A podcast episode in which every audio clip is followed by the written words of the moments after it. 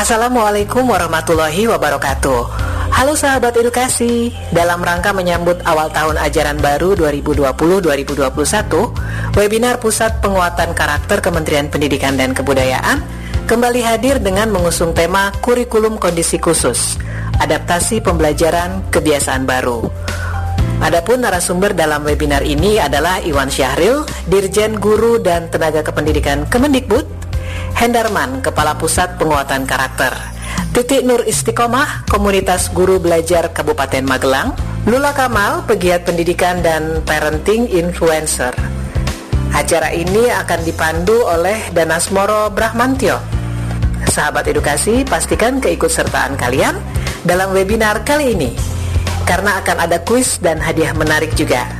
Pasti sahabat edukasi ingin tahu kan informasi apa aja sih yang akan disampaikan oleh para narasumber. Nah, simak terus ya. Sahabat edukasi, kita langsung saja ke forum webinar Pusat Penguatan Karakter Kemdikbud. Selamat mengikuti.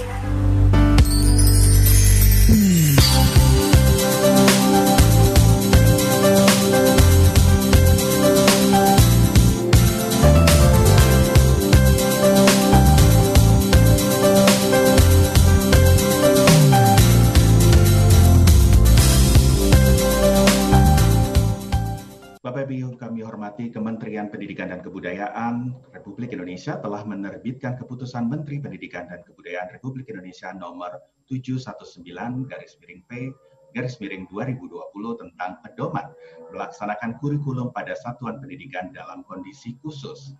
Kemarin Mas Menteri bersama dengan para menteri yang lainnya telah mengumumkan perubahan atau penyesuaian kebijakan di masa pandemi ini. Mas Menteri menyampaikan satuan pendidikan dalam kondisi khusus dapat menggunakan kurikulum yang sesuai dengan kebutuhan pembelajaran peserta didik. Beliau mengatakan kurikulum pada satuan pendidikan dalam kondisi khusus memberikan fleksibilitas bagi sekolah untuk memilih kurikulum yang sesuai dengan kebutuhan pembelajaran siswa. Dan pelaksanaan kurikulum pada kondisi khusus ini bertujuan untuk memberikan fleksibilitas juga bagi satuan pendidikan untuk menentukan kurikulum yang sesuai dengan kebutuhan pembelajaran peserta didiknya.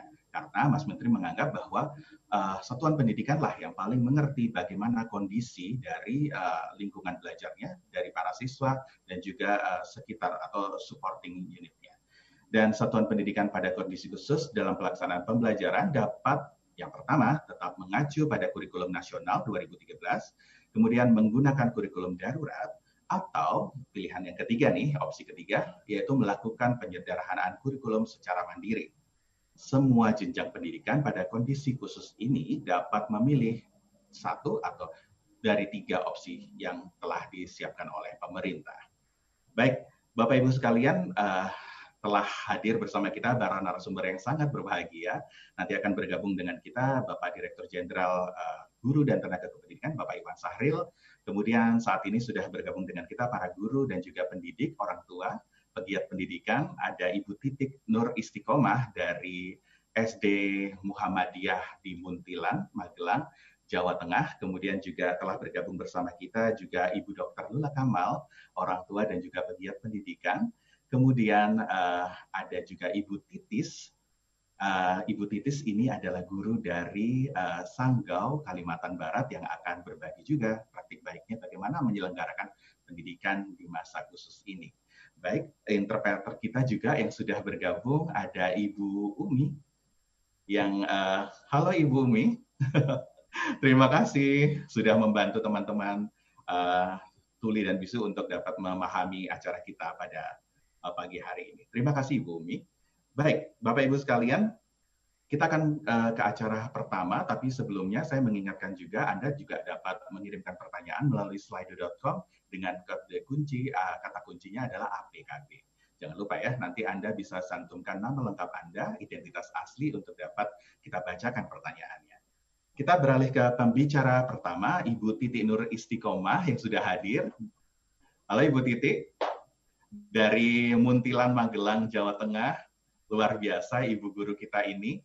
Iya, halo Pak, selamat pagi. Selamat pagi. Selamat pagi Ibu. Terima kasih ya atas waktunya untuk bisa berbagi bersama kita, bersama-sama menyelenggarakan apa ya pemahaman kepada guru-guru kita berbagi praktik baik kepada sesama kolega ya Bu ya. Dan iya, juga para orang tua nih Bu, gitu. Banyak banget orang tua yang ini gimana ya menyelenggarakan pendidikan yang tidak bikin pusing gitu. Sebenarnya Bu Titi punya banyak tips gitu ya dan uh, tentunya ini uh, hasil dari apa pembelajaran dari hari ke hari semenjak uh, bulan Maret yang lalu ya Bu Titi. Nanti kita ya, akan dengarkan sekali. Ibu Titi uh, seperti apa pengalamannya dan juga mungkin kiat-kiatnya itu ya untuk dapat menyelenggarakan pembelajaran di kondisi khusus ini, terutama dengan semua dinamika yang terjadi gitu ya, ada keterbatasan, ada tantangan dan lain sebagainya. Ibu Titi Nur Istiqomah kami persilahkan untuk dapat menyampaikan apa paranya, tetapi mungkin sebelumnya saya uh, mohon izin untuk membacakan uh, kurikulum vitae dari Ibu Titi. Yang pertama, beliau ini adalah uh, sarjana pendidikan guru sekolah dasar dari Universitas Negeri Yogyakarta dan juga telah menempuh pendidikan profesi guru di uh, universitas yang sama. Prestasi beliau luar biasa ini. Sebagai penulis lepas di berbagai surat kabar, senang sekali ya melihat guru berbagi gitu ya, bukan hanya dari eh, ahli-ahli uh, yang ada di universitas, tetapi ahli-ahli yang ada di lapangan betulan gitu ya, uh, berbagi pengalamannya di surat kabar. Terus kemudian uh, beliau ini juga lulusan terbaik ternyata uh, dari prodi PGSD UNY dan kemudian uh, first winner of National Call of Paper Islamic Youth of Conference dari UNY luar biasa Ibu Titi. Ibu Titi kami persilahkan untuk dapat menyampaikan presentasinya. Kita berbagi yuk Bu tentang apa sih yang Ibu temukan sepanjang masa pembelajaran di masa pandemi ini. Kami persilahkan Ibu Titi. Baik, Terima kasih Pak Danas atas kesempatannya. Barangkali saya ingin meluruskan sebentar. Di sini saya tidak ingin apa namanya. Di sini kita hanya akan berbagi praktik baik ya. Saya yakin di luar sana banyak sekali guru-guru dengan praktik kerennya masing-masing. Tapi di sini saya diberikan kesempatan untuk menceritakan praktik baik apa yang saya lakukan di sekolah. Jadi semoga mendapatkan mendapatkan manfaat dari apa yang saya sampaikan. Iya, kurikulum kondisi khusus adaptasi pembelajaran kebiasaan baru. Itu yang akan kita bahas di pagi hari ini ya, Bapak Ibu semuanya. Di sini saya akan apa namanya? sedikit memberikan gambaran tentang menerapkan pembelajaran di era pembiasaan baru dengan memperhatikan keragaman murid yang saya lakukan di sekolah saya. Next. Jadi Bapak Ibu semuanya, eh, di awal tahun pembelajaran baru itu saya cara menentukan pembelajaran jarak jauhnya dengan cara empati terhadap latar belakang murid. Yang pertama saya itu membuat data, di situ terdiri dari nama, kemudian nama orang tua, kemudian akses HP di rumah itu berdasarkan kepemilikannya, milik siapa, atau milik sendiri, atau milik orang tuanya, kemudian digunakan bisa digunakan di rumah untuk belajar itu pukul berapa karena e, mayoritas wali murid di tempat saya itu bekerja sebagai pedagang. Jadi ketika pagi HP itu digunakan oleh orang tuanya. Kemudian dari pekerjaan dan kebiasaan orang tuanya juga, saya juga mendata paketan yang per bulan itu habis berapa. Kemudian kesulitan yang dihadapi selama pembelajaran jarak jauh seperti yang kita tahu, ini sudah memasuki bulan kelima ya. Kita sudah melaksanakan pembelajaran jarak jauh, jadi pasti ada kesulitan yang dirasakan selama lima bulan itu.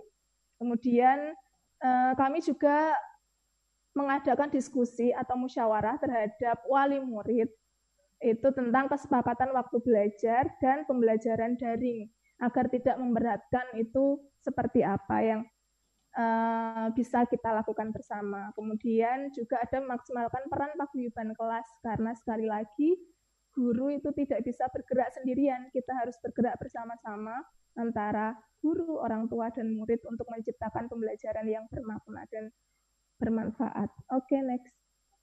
Nah, kemarin sore kita juga sudah mengetahui kebijakan pembelajaran di masa pandemi COVID berdasarkan keputusan Menteri Pendidikan dan Kebudayaan nomor 719 ya. garis miring P garis miring 2020 ya. Uh, Bapak Ibu semuanya tentu juga mayoritas sudah melihat tayangan yang disampaikan oleh Pak Menteri. Jadi ada beberapa hal yang kita garis bawahi di sini bahwa ada kurikulum darurat kondisi khusus yang merupakan penyederhanaan kompetensi dasar yang mengacu pada kurikulum 2013. Jadi ini merupakan perampingan dari kurikulum 2013 tetapi difokuskan pada kompetensi esensial dan kompetensi prasyarat untuk kelanjutan pembelajaran. Ada pilihan selain melakukan pembelajaran menggunakan apa namanya menggunakan kurikulum khusus itu guru juga diberikan kesempatan untuk memilih apakah akan menggunakan kurikulum darurat tetap menggunakan kurikulum 2013 jika itu memang dirasa yang terbaik atau melakukan penyederhanaan kurikulum secara mandiri. Kemudian yang cukup membuat guru-guru itu merasa terbantu adanya modul pembelajaran untuk PAUD dan SD. Semoga saja nanti dengan adanya modul ini yang berisi panduan untuk guru, pendamping atau wali murid dan murid itu bisa mempermudah guru dalam memfasilitasi dan memantau pembelajaran di rumah. Juga dapat membantu orang tua untuk mendapatkan tips dan strategi dalam mendampingi anak selama belajar dari rumah. Ada juga relaksasi peraturan untuk guru dan perluasan zona untuk pembelajaran tatap muka, yaitu zona kuning dan zona hijau. Ya, kemudian setelah saya melakukan pemetaan profil murid, itu langkah selanjutnya adalah menyusun RPP. Tetapi RPP itu disusun berdasarkan data dari pemetaan murid yang saya lakukan sebelumnya. Kemudian baru dipetakan kompetensi dan mata pelajarannya dan menentukan tujuan pembelajaran. Seperti yang disampaikan oleh Pak Menteri kemarin, itu kan guru sekarang diberikan kemudahan untuk mengambil kompetensi dasar yang esensial. Jadi insya Allah semoga dengan keputusan menteri yang kemarin itu dapat memberikan keringanan bagi guru ya. Jadi Bapak Ibu guru dan saya kita semua tidak merasa terbebani dengan adanya pembelajaran jarak jauh seperti ini untuk menentukan tujuan pembelajaran. Kemudian menentukan bukti dan asesmen untuk menyusun RPP dan baru membuat strategi pelajar pembelajarannya itu mau dilakukan daring atau luring. Kalau misal luring itu terpenuhi jika zonanya sudah zona kuning minimal ya berdasarkan uh, siaran pers kemarin atau zona hijau. Untuk zona oranye itu belum bisa, jadi tetap menggunakan daring jika seperti itu yang terjadi. Kemudian baru menentukan cakupan pembelajarannya apa yang mau dibahas. Nah, ini adalah kegiatan yang saya lakukan selama pembelajaran jarak jauh. Di sini saya melakukan personal home visit Bapak Ibu semuanya karena uh, tidak memungkinkan untuk melakukan pembelajaran tatap muka di sekolah. Padahal seperti yang kita tahu selama ini belum ada yang uh, seperti anggapan kita semua bahwa yang namanya pembelajaran daring itu tetap ada kelemahannya. Jadi ada beberapa mata pelajaran, terutama kalau di tempat saya, saya mengajar matematika dan wali kelas 6 di SD Muhammadiyah 1 Muntilan. Itu ketika saya sudah membuatkan video ternyata beberapa anak tetap tidak paham dengan apa yang saya sampaikan di video. Akhirnya saya melakukan home visit itu berdasarkan data di COVID ya di, di covid19.co.id zonanya zona kuning jadi insya Allah saya beranikan untuk mendatangi satu persatu tetapi tetap dengan protokol kesehatan durasinya juga sekitar 1 sampai satu setengah jam. Yang kedua, ini juga terdapat layanan di sekolah. Jadi layanan di sekolah itu saya bersama wali murid tumbas terkait pembelajaran yang sudah dilakukan selama ini. Jika ada hal-hal yang urgen atau hanya bisa terselesaikan melalui tatap muka, saya persilakan untuk datang ke sekolah dengan menggunakan protokol kesehatan. Kemudian juga ada membagi buku paket dan lembar kegiatan siswa di sekolah itu, seperti lembar kegiatan ibadah siswa dan apa konsultasi jika ada kesulitan yang dihadapi oleh anak selama ini. Lanjut.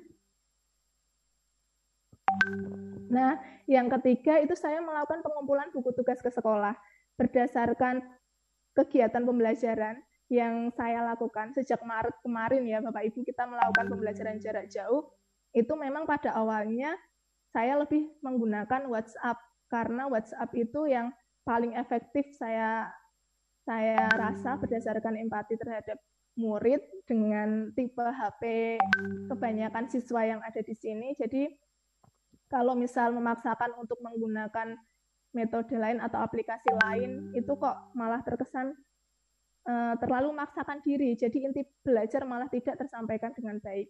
Pada akhirnya uh, saya melakukan pengumpulan tugas buku tugas ke sekolah itu seminggu sekali di hari Sabtu. Jadi setiap hari Sabtu itu wali murid datang ke sekolah untuk mengumpulkan buku tugas yang dikerjakan oleh anak-anak selama seminggu. Tujuannya untuk apa? Agar saya bisa memantau uh, perkembangan belajar siswa selama di rumah. Jadi kan beda ya jika melihat koreksian apa atau pekerjaan anak lewat HP dengan mencoret-coret langsung tidak dicoret tetapi uh, kita tuliskan di situ kira-kira yang sudah bagus apa, yang perlu diperbaiki apa, itu merupakan bagian dari proses refleksi. Kurang lebih seperti itu. Lanjut. Nah, ini juga merupakan dokumentasi kegiatan pembelajaran jarak jauh yang kami lakukan selama ini, selama lima bulan ini. Boleh diputar videonya? pembelajaran menekankan uh, pendidikan untuk melawan COVID. Iya. Kemudian dengan menggunakan WhatsApp karena kami uh, tidak memungkinkan menggunakan Zoom, kami akhirnya menggunakan WhatsApp video call untuk mengetahui tatap muka anak secara langsung. Iya. Ini juga masih tentang dokumentasi kegiatan pembelajaran jarak jauh. Jadi ada beberapa metode yang saya gunakan walaupun uh, pada prinsipnya itu menggunakan WhatsApp, tetapi kami melakukan variasi pembelajaran agar anak itu tidak bosan. Contohnya yang ada di samping kiri ini, ini anak membuat minuman, tetapi minuman yang sehat, kemudian diberikan apa namanya cara membuatnya, bahan-bahannya, kemudian manfaatnya itu apa. Kemudian yang di sampingnya itu adalah video TikTok tentang ajakan cuci tangan menggunakan sabun dengan langkah-langkah yang benar. Di sampingnya lagi, video yang sampingnya itu adalah pembelajaran bahasa Jawa tentang pacelaton. Pacelaton itu artinya percakapan tetapi dikaitkan dengan kondisi yang ada selama ini. Jadi tentang COVID kita kaitkan antar kompetensi dasarnya. Kemudian kita juga menggunakan emoticon. Emoticon ini bisa digunakan untuk mengungkapkan ekspresi atau untuk presensi dan penilaian diri siswa. Nah, Bapak Ibu semuanya, seperti yang saya katakan di awal, itu uh, untuk mayoritas murid-murid kami itu tidak memungkinkan menggunakan metode atau aplikasi belajar yang terlalu berat untuk HP ya, misalnya seperti Zoom atau Google Classroom. Itu saya pernah mencoba tetapi ternyata tidak efektif, jadi kita menggunakan WhatsApp untuk pembelajaran jarak jauhnya. Tapi selama ini penggunaan WhatsApp kan belum maksimal dan masih kaku, belum variatif, hanya menggunakan teks dan hanya digunakan untuk menyampaikan materi dan pengumpulan tugas.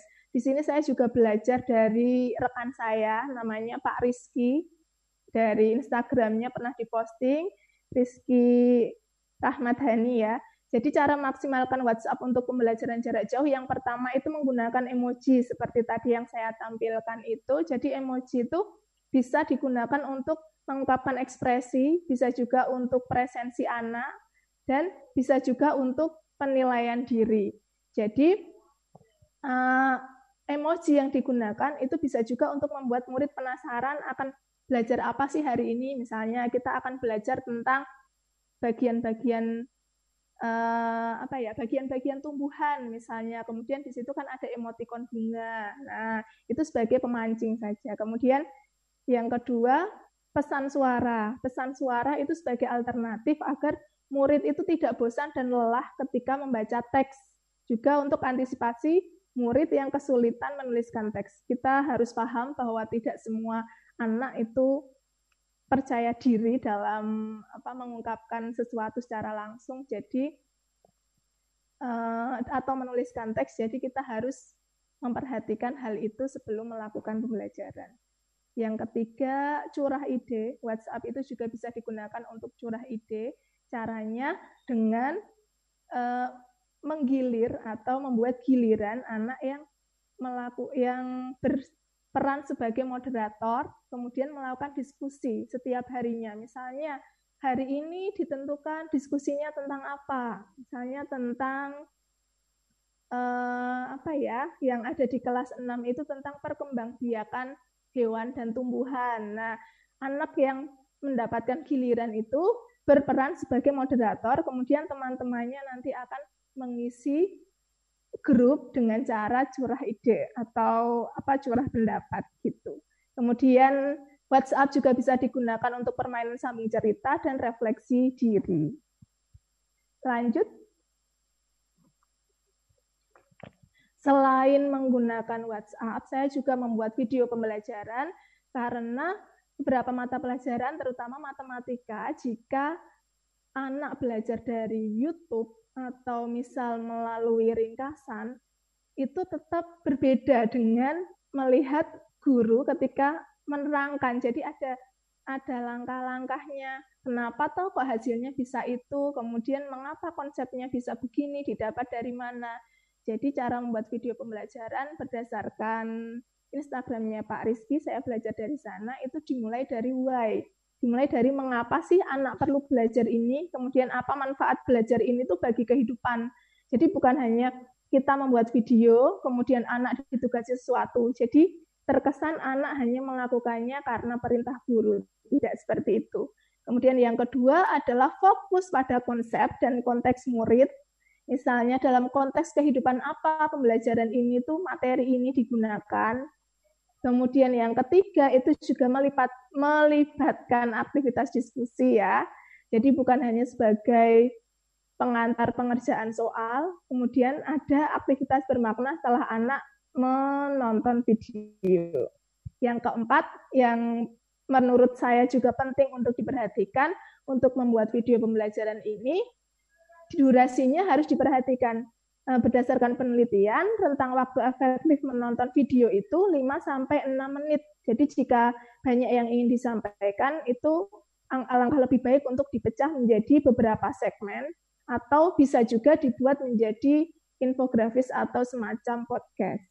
Yang kelima, tidak berfokus pada subjek atau guru. Terkadang kita uh, sering melakukan kesalahan dengan terlalu menonjolkan diri sendiri. Jadi yang terfokus bukan materinya, bukan inti belajarnya, tetapi malah diri kita sendiri yang kita tampilkan kepada anak. Itu hmm, contoh video pembelajaran yang saya buat seperti itu, mungkin bisa di play. Itu untuk membelajarkan tentang penjumlahan bilangan bulat positif dan bilangan bulat negatif. Ini sepertinya menggunakan handphone sendiri ya, Ibu Titi? Iya, Wah luar biasa. Jadi uh, iya. apa, dengan alat yang ada pun juga tetap bisa berjalan gitu ya Bu Titi? Iya, saya ingin menunjukkan satu rahasia itu Pak. Jadi saya membuat video itu hanya menggunakan HP dan HP-nya itu yang memegangi adalah teman saya. Jadi teman saya ada di depan, ada di atas, kemudian saya yang menerangkan.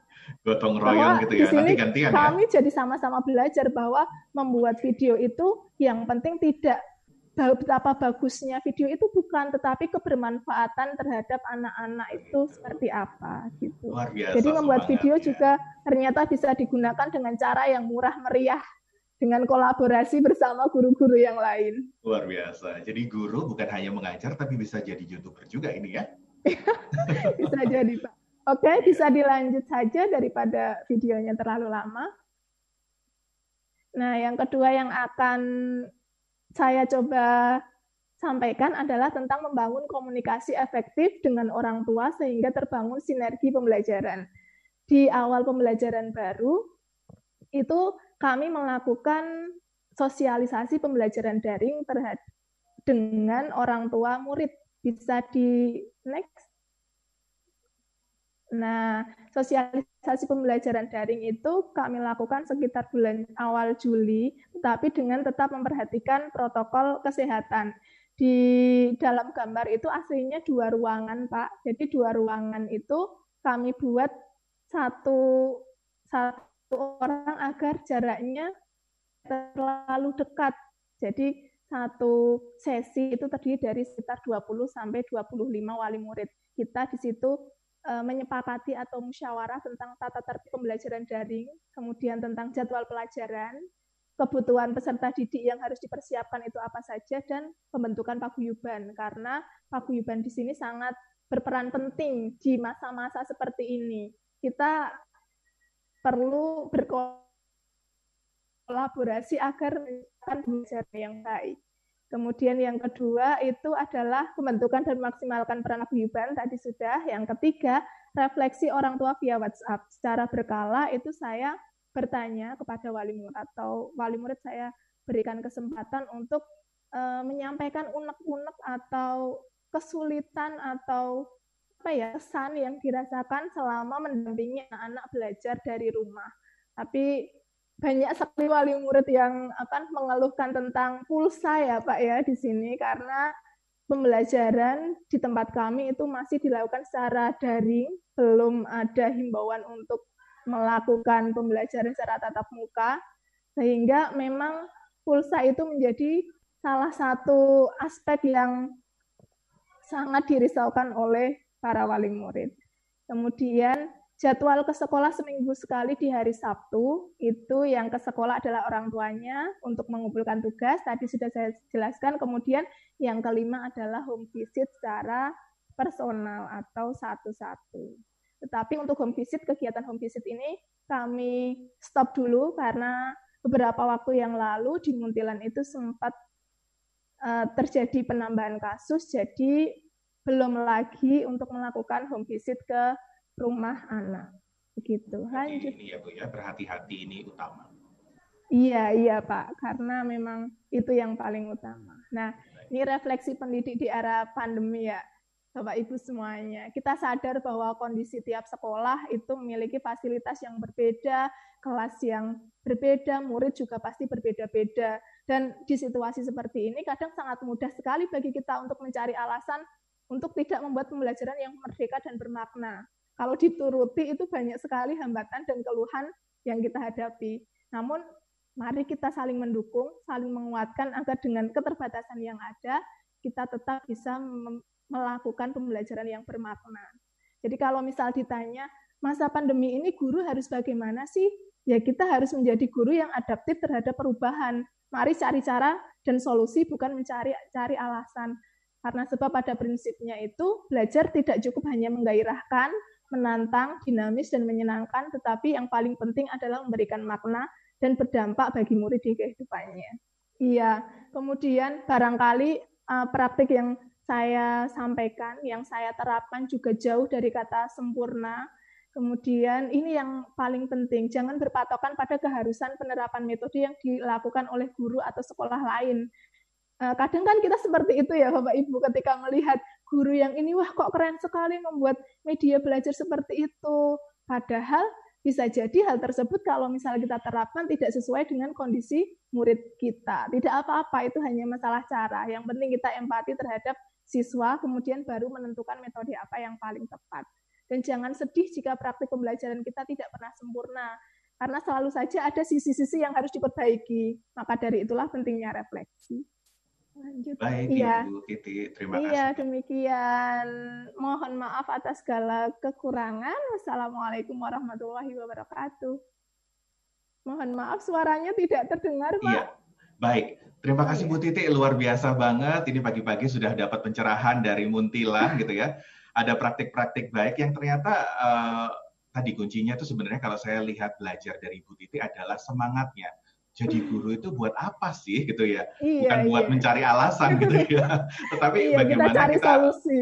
mencari solusi di tengah krisis atau kendala-kendala yang kita tantang apa tan hadapi ya setiap hari gitu ya setiap hari pasti ada tantangannya gitu kan ya tetapi iya, tidak sekali. mencari alasan tetapi mencari solusi gitu dan yang saya uh, perhatikan tadi itu dari paparan Ibu Titi, ini bukan hanya mengejar ketuntasan kurikulum ya Bu ya, tetapi bagaimana Ibu juga sebagai guru tetap gitu ya menerapkan prinsip-prinsip bagaimana kita menghadirkan pembelajaran yang bermakna. Dan pembelajaran yang bermakna salah satunya juga ini terkait karakter ya Bu ya. Kalau saya lihat tadi itu misalkan bagaimana cara mendidik anak itu untuk bisa uh, percaya diri, terus kemudian mandiri dan juga apa berani melahirkan ide-idenya dan juga menyampaikan idenya gitu ya kepada teman-temannya gitu. Nah ini boleh nggak Bu dieksplorasi sedikit lagi gitu uh, iya, pendidikan betul. karakter yang Ibu terapkan di masa pembelajaran jarak jauh ini Bu? Silahkan. Iya, untuk pendidikan karakter itu yang pertama kali kami lakukan itu adalah tentang pendidikan pencegahan COVID uh, ada di video tadi itu beberapa kali kami lakukan bahkan sampai saat ini terakhir kemarin itu kami membuat face shield. Jadi uh, bagaimana ya Pak? Soalnya kondisi sekarang ini uh, terjadi pelonjakan korban. Kok korban ya? Bukan korban. Pelonjakan pasien tetapi kesadaran masyarakat untuk tetap waspada itu malah semakin berkurang. Jadi uh, ini seperti ironi bagi keadaan di Indonesia gitu. Jadi kami akan tetap apa namanya uh, berkomitmen untuk memasukkan pendidikan pencegahan COVID itu dalam pembelajaran. Kemudian yang kedua itu tempat kami ada yang namanya lembar kegiatan dadah karena yang mengerti kondisi anak kemudian apa namanya selama 24 jam itu kan orang tua.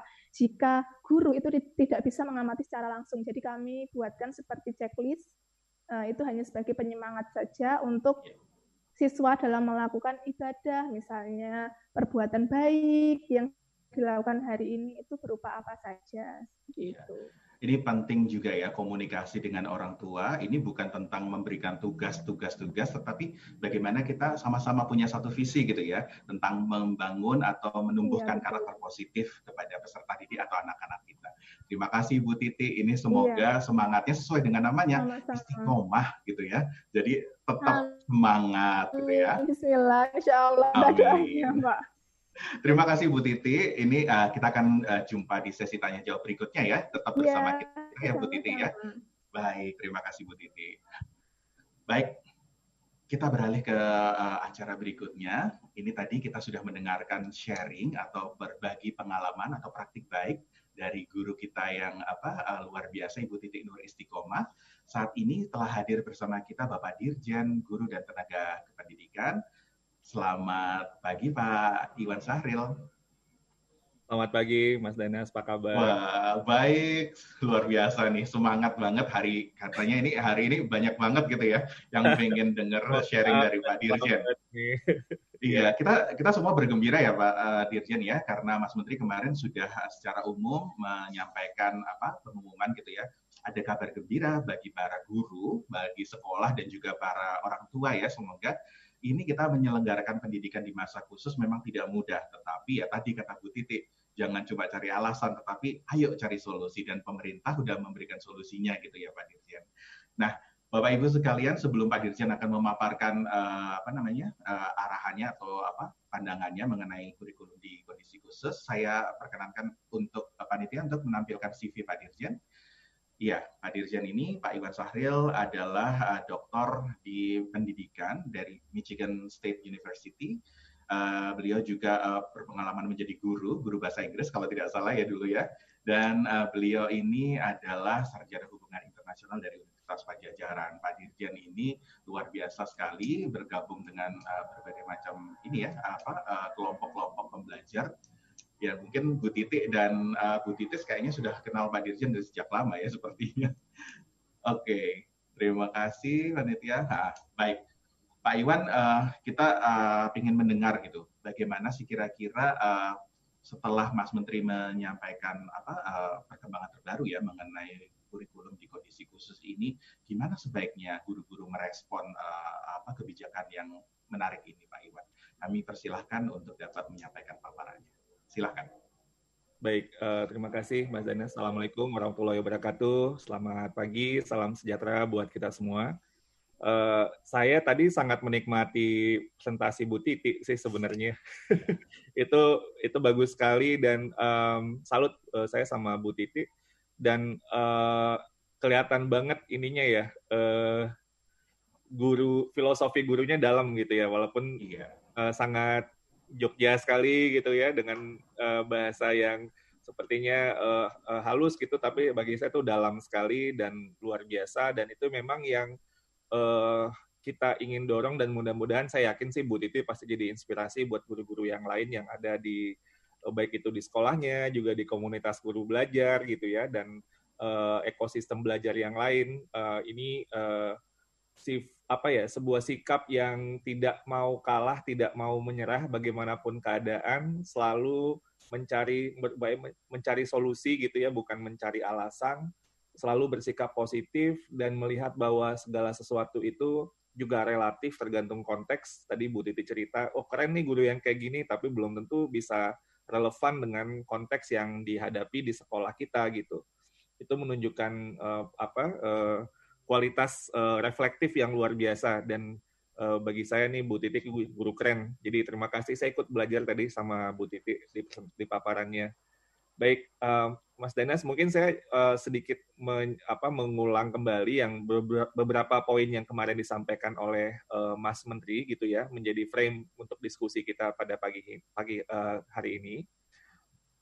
Uh, pertama tentang bagaimana memang bagaimana kenapa kita meluncurkan kurikulum darurat ini? Tentunya kita melihat berbagai perkembangan yang ada. Uh, belajar dari rumah ini kan sudah sejak bulan uh, Maret dari survei-survei kita, dari dialog kita dengan berbagai guru dan sekolah, kendala-kendala yang dihadapi oleh bukan saja guru, orang tua dan murid dalam eh, PJJ ini kan bervariasi, tapi bisa dibilang ada beberapa hal yang selalu jadi tema umum. Pertama, kalau di guru itu adalah kesulitan untuk melakukan uh, pengelolaan proses belajar mengajar karena uh, situasinya sangat berbeda. Dan juga ini saya juga uh, sampai uh, sampai sekarang bahkan ya uh, ketuntasan kurikulum ini selalu menjadi uh, apa momok yang menghantui para guru. Walaupun sudah dikomunikasikan tidak perlu menuntaskan kurikulum tapi uh, selalu menjadi uh, apa ya dalam prakteknya dalam ketika sudah keseharian selalu menjadi hal yang perlu dilakukan. Tapi sebenarnya ini sudah dari surat edaran Mendikbud di bulan Maret ini sudah dibilang tidak perlu gitu ya. Jadi ini kendala. Lalu kemudian uh, waktu belajar sangat signifikan berkurangnya. Uh, uh, di survei kami itu belajar itu dalam seminggu itu sangat signifikan menurutnya. Siswa itu belajar ya 2 sampai 4 hari secara umum yang yang paling besar dan satu hari itu pun juga dua jam maksimal. Jadi uh, waktu pembelajaran bagi guru ini bukan saja untuk belajar mengajar tapi juga bagi guru untuk memenuhi jam mengajar jadi kesulitan. Lalu kemudian berkomunikasi dengan orang tua. Karena orang tua tiba-tiba dalam konteks pandemi bukan saja uh, tadinya kan kalau ketemu orang tua di awal tahun ajaran mungkin ya atau mungkin di tengah-tengah kasih rapor gitu atau di akhir semester. Sekarang setiap hari uh, relatif setiap hari dan uh, ini semua orang tua dan ini merupakan sebuah cara kerja uh, uh, pembelajaran di masa pandemi yang yang menjadi sebuah uh, pola baru yang signifikan. Jadi peran orang tua ini menjadi lebih besar daripada sebelum-sebelumnya. Jadi komunikasi antara orang tua jadi sangat ini sekali. Dan orang tua pun juga um, menyampaikan keluhan-keluhan bahwa misalnya tidak bisa mendampingi anak uh, di rumah baik itu karena uh, tidak ada waktu karena harus bekerja, uh, tidak memahami mungkin juga uh, pelajaran dari anak, terutama untuk jenjang SMP ke atas, uh, dan juga untuk memotivasi karena orang tua juga ketika sudah bekerja mungkin juga capek dan lain-lain. Lalu bagi siswa, siswanya juga kesulitan berkonsentrasi dan mengeluhkan uh, karena guru memang lebih banyak uh, dengan keterbatasan hanya memberikan penugasan-penugasan, jadi tidak tidak ada uh, interaksi seperti biasanya dan ini juga menyebabkan rasa stres dan jenuh uh, dari murid karena uh, kondisi PJJ uh, tidak ketemu teman-teman gitu sehingga uh, berpotensi menimbulkan cemas dan depresi.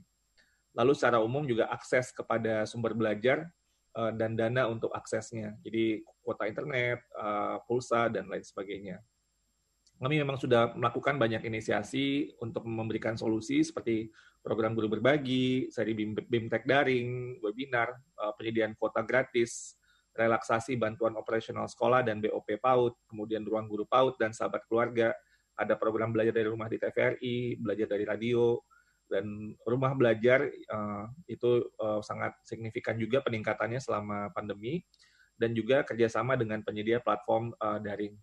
Namun ujung-ujungnya di sini adalah perlu sebuah uh, bantuan, terutama uh, pembelajaran dalam hal kurikulum yang perlu disederhanakan. Dan ini yang kemarin disampaikan oleh Mas Menteri bahwa uh, saya tidak akan berbicara tentang uh, tata, tentang pembukaan relaksasi uh, zona kuning, tapi uh, lebih pada fokus kepada kurikulum darurat. Nah, fleksibilitas ini tetap menjadi prinsip. Jadi artinya uh, kurikulum yang disederhanakan ini adalah sebuah opsi yang bisa dilakukan oleh sekolah sehingga bisa kemudian uh, lebih melayani kebutuhan pembelajarannya siswa. Saya akan langsung masuk ke paparan tentang itu. Um, Oke, okay.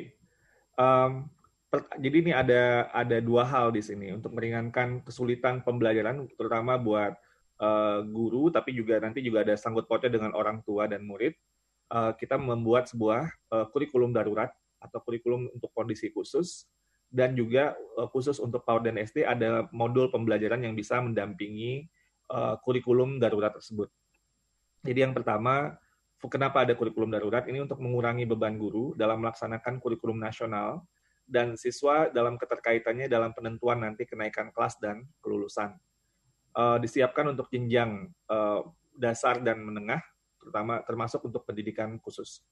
Dan modul yang tadi saya sampaikan nanti mungkin juga saya akan kalau ada waktu juga dilihatkan modulnya seperti apa. Uh, ini khusus untuk uh, PAUD dan SD karena memang uh, mereka lah yang paling uh, di antara semua jenjang yang paling kesulitan dalam beradaptasi dengan pembelajaran jarak jauh. Jadi mudah-mudahan dengan ada semacam modul yang kita siapkan dan kalau diikuti saat itu bisa cukup baik gitu ya guru-guru harus merasa uh, aman dengan modul ini uh, bisa menjadi panduan bukan saja buat guru tapi juga buat orang tua atau wali dari murid dan juga untuk uh, murid dalam proses PJJ. Penjelas uh, kurikulum darurat ini merupakan penyederhanaan kompetensi dasar yang mengacu pada kurikulum 2013. Jadi intinya ini sebenarnya adalah kurikulum 2013 tapi uh, kita pilih hanya yang hal-hal uh, yang esensialnya saja dan yang menjadi kompetensi prasyarat untuk kelanjutan pembelajaran di tingkat selanjutnya. Artinya ini tidak kemudian membuat uh, lebih ketinggalan, tapi ini uh, bisa kemudian lebih menggali. Jadi kalau kemarin Mas Menteri menggambarkannya ini kita memberi memberi uh, ruang untuk untuk melakukan sebuah pembelajaran yang lebih mendalam. Gitu. Jadi bukan coverage, bukan semuanya harus dipelajari, tapi Eh, singkat-singkat tapi beberapa hal yang esensial yang menjadi prasyarat dan itu dipelajari secara fokus dan mendalam. Uh, lalu kemudian kurikulum ini bisa di, di, berlaku sampai akhir tahun ajaran. Jadi uh, tidak perlu nanti khawatir kalau harus uh, apa namanya oh kalau nanti COVID-nya sudah selesai ini harus pindah ke kurikulum yang 2013 sebelumnya itu enggak juga. Jadi ini bisa di, di, dipedomani dan diikuti sampai uh, akhir tahun ajaran uh, di tahun 2021 nanti. Nah, uh, sekolah itu bisa memiliki opsi. Jadi diberikan opsi untuk uh, kalau merasa mungkin uh, kurang begitu uh, nyaman atau ingin ya boleh tetap menggunakan yang 2013. Namun bagi sekolah uh, atau satuan pendidikan yang memilih itu bisa memilih opsi yang kedua yaitu menggunakan kurikulum darurat dalam kondisi khusus. Dan uh, dan kita juga tahu ada beberapa sekolah yang sudah kemudian melakukan penyederhanaan kurikulum secara mandiri itu juga nggak apa-apa. Itu juga silakan lanjut. Nah pada pagi ini saya mungkin akan fokus kepada kurikulum darurat ini yang kita lihat nanti dampaknya ini adalah uh, bisa menjadi sebuah acuan yang lebih sederhana bagi guru uh, sehingga kemudian bisa mengelola pembelajaran dengan lebih baik. Karena seperti tadi yang saya sampaikan bahwa kita mempelajari bahwa waktu yang dihabiskan oleh guru dalam bekerja pada saat ini komunikasi dengan orang tua itu sangat menyedot waktu yang tadinya tidak begitu uh, banyak dilakukan oleh guru karena pembelajaran biasanya ya hanya dengan murid gitu ya di sekolah ketemu orang tua hanya di waktu awal semester kalaupun itu ada atau biasanya di waktu penerimaan uh, evaluasi belajar apakah di pertengahan semester atau akhir semester ini setiap hari dan setiap siswa dengan kondisi yang berbeda-beda. Nah, tentunya ini butuh butuh bagaimana uh, secara kerja pun juga diatur untuk bagaimana lebih efisien dan lebih mengatur waktu kerja sehingga bisa lebih baik. Nah ini salah satu hal yang bisa dilakukan sehingga berkurang untuk beban bagi para guru dalam proses mengajar. Dan kemudian uh, guru-guru pun dan murid-murid juga bisa fokus kepada hal-hal yang esensial dan kontekstual. Jadi dengan penyederhanaan ini, fokus utama bisa diberikan kepada hal-hal KIKD-nya yang lebih esensial dan lebih kontekstual. Jadi bisa memberikan waktu yang lebih banyak untuk mendalami uh, uh, KIKD yang yang dipelajari, yang esensial. Dan dengan demikian diharapkan guru merasa lebih uh, tadinya merasa tidak tidak menentu gitu ya ini gimana dan takut salah sekarang sudah ini kita kita kita berikan uh, sebuah kurikulum yang lebih sederhana sehingga mungkin bisa membantu mem lebih aman dan nyaman bagi para guru pun juga dalam konteks bekerja uh, bisa juga waktu yang dihabiskan juga bisa yang sekarang juga tersodot untuk uh, berkomunikasi dengan orang tua itu juga bisa kemudian dimitigasi karena penyederhanaan ini. Lalu uh, bagi siswa tentunya uh, siswa jadi tidak terkejar-kejar. Jadi yang uh, sering kita uh, apa mm, dengar itu uh, guru memberikan tugas karena ya mungkin guru takut ini nanti tidak sempat diajarkan. Kemudian akhirnya yang siswa akhirnya menerima tumpukan tugas yang luar biasa. Nah, mudah-mudahan ini juga bisa membantu murid untuk tidak terbebani uh, dengan tuntutan untuk mencapai semua hal yang ada dalam kurikulum 2013 yang sebelumnya. Uh, dan fokus kepada hal yang esensial dan kontekstual. Jadi pembelajaran pun bisa terjadi dengan lebih bermakna. Dan harapannya dengan demikian kesejahteraan psikososial murid juga bisa meningkat. Orang tua akan lebih mudah dalam pendampingan belajar dari rumah, jadi nggak uh, diharapkan dengan penyederhanaan ini bisa mempermudah proses dukungan uh, pendampingan dan juga kesejahteraan psikososial orang tua juga mudah-mudahan tingkat uh, tekanan atau stres yang tadinya sangat mungkin lebih tinggi karena harus anak harus bisa semua mengejar semua itu bisa di uh, berkurang. Jadi intinya uh, kurikulum darurat ini uh, diharapkan kita dapat membantu untuk mengurangi kendala-kendala yang sudah kita identifikasi baik terhadap guru, orang tua dan anak selama pandemi. Nah, khusus untuk PAUD dan SD, kami menyediakan bukan saja penyederhanaan kurikulumnya, tapi modul modul belajar yang bisa untuk dijadikan pegangan bagi guru, orang tua, dan siswa selama uh, masa pembelajaran uh, jarak jauh ini. Atau juga kalau nggak jarak jauh nanti juga bisa kalau udah selesai juga bisa di, dipergunakan juga secara mandiri. Nah, modul ini kalau yang PAUD itu kan kita uh, merdeka bermain ya kalau PAUD ini. Jadi bermain adalah belajar itu prinsip utama. Jadi memang itu adalah uh, lingkup dari uh, PAUD dan uh, bagaimana proses pembelajaran itu bisa nyambung dengan kegiatan sehari-hari. Jadi kontekstual. Jadi artinya dibantu untuk bagaimana uh, melakukan pembelajaran yang bermakna di konteks PAUD. Untuk SD pun juga sama, tapi SD kita ada penekanan pada uh, uh, assessment yang uh, kompetensi minimum yang sudah di, diluncurkan, uh, yaitu literasi, numerasi, dan karakter, dan kecakapan hidup. Jadi ini uh, menjadi uh, pijakan bagaimana sebuah uh, modul yang integratif yang bisa relevan dengan konteks sekarang dan mencakup berbagai mata pelajaran. Jadi memudahkan para guru untuk bisa memfasilitasi perkembangan siswa, memantau perkembangan siswa di rumah dan juga membantu orang tua. Karena modul ini bukan saja ada modul guru dan uh, dan murid, tapi juga ada modul pendampingan orang tua. Jadi ini satu satu kesatuan yang mudah-mudahan bisa membantu uh, tadi berkomunikasi mau seperti apa, guru bingung ini harus seperti apa, sequence dan lain sebagainya. Sekarang ada modul yang ada tips dan strategi buat semuanya. Jadi mudah-mudahan ini bisa membantu proses pembelajaran.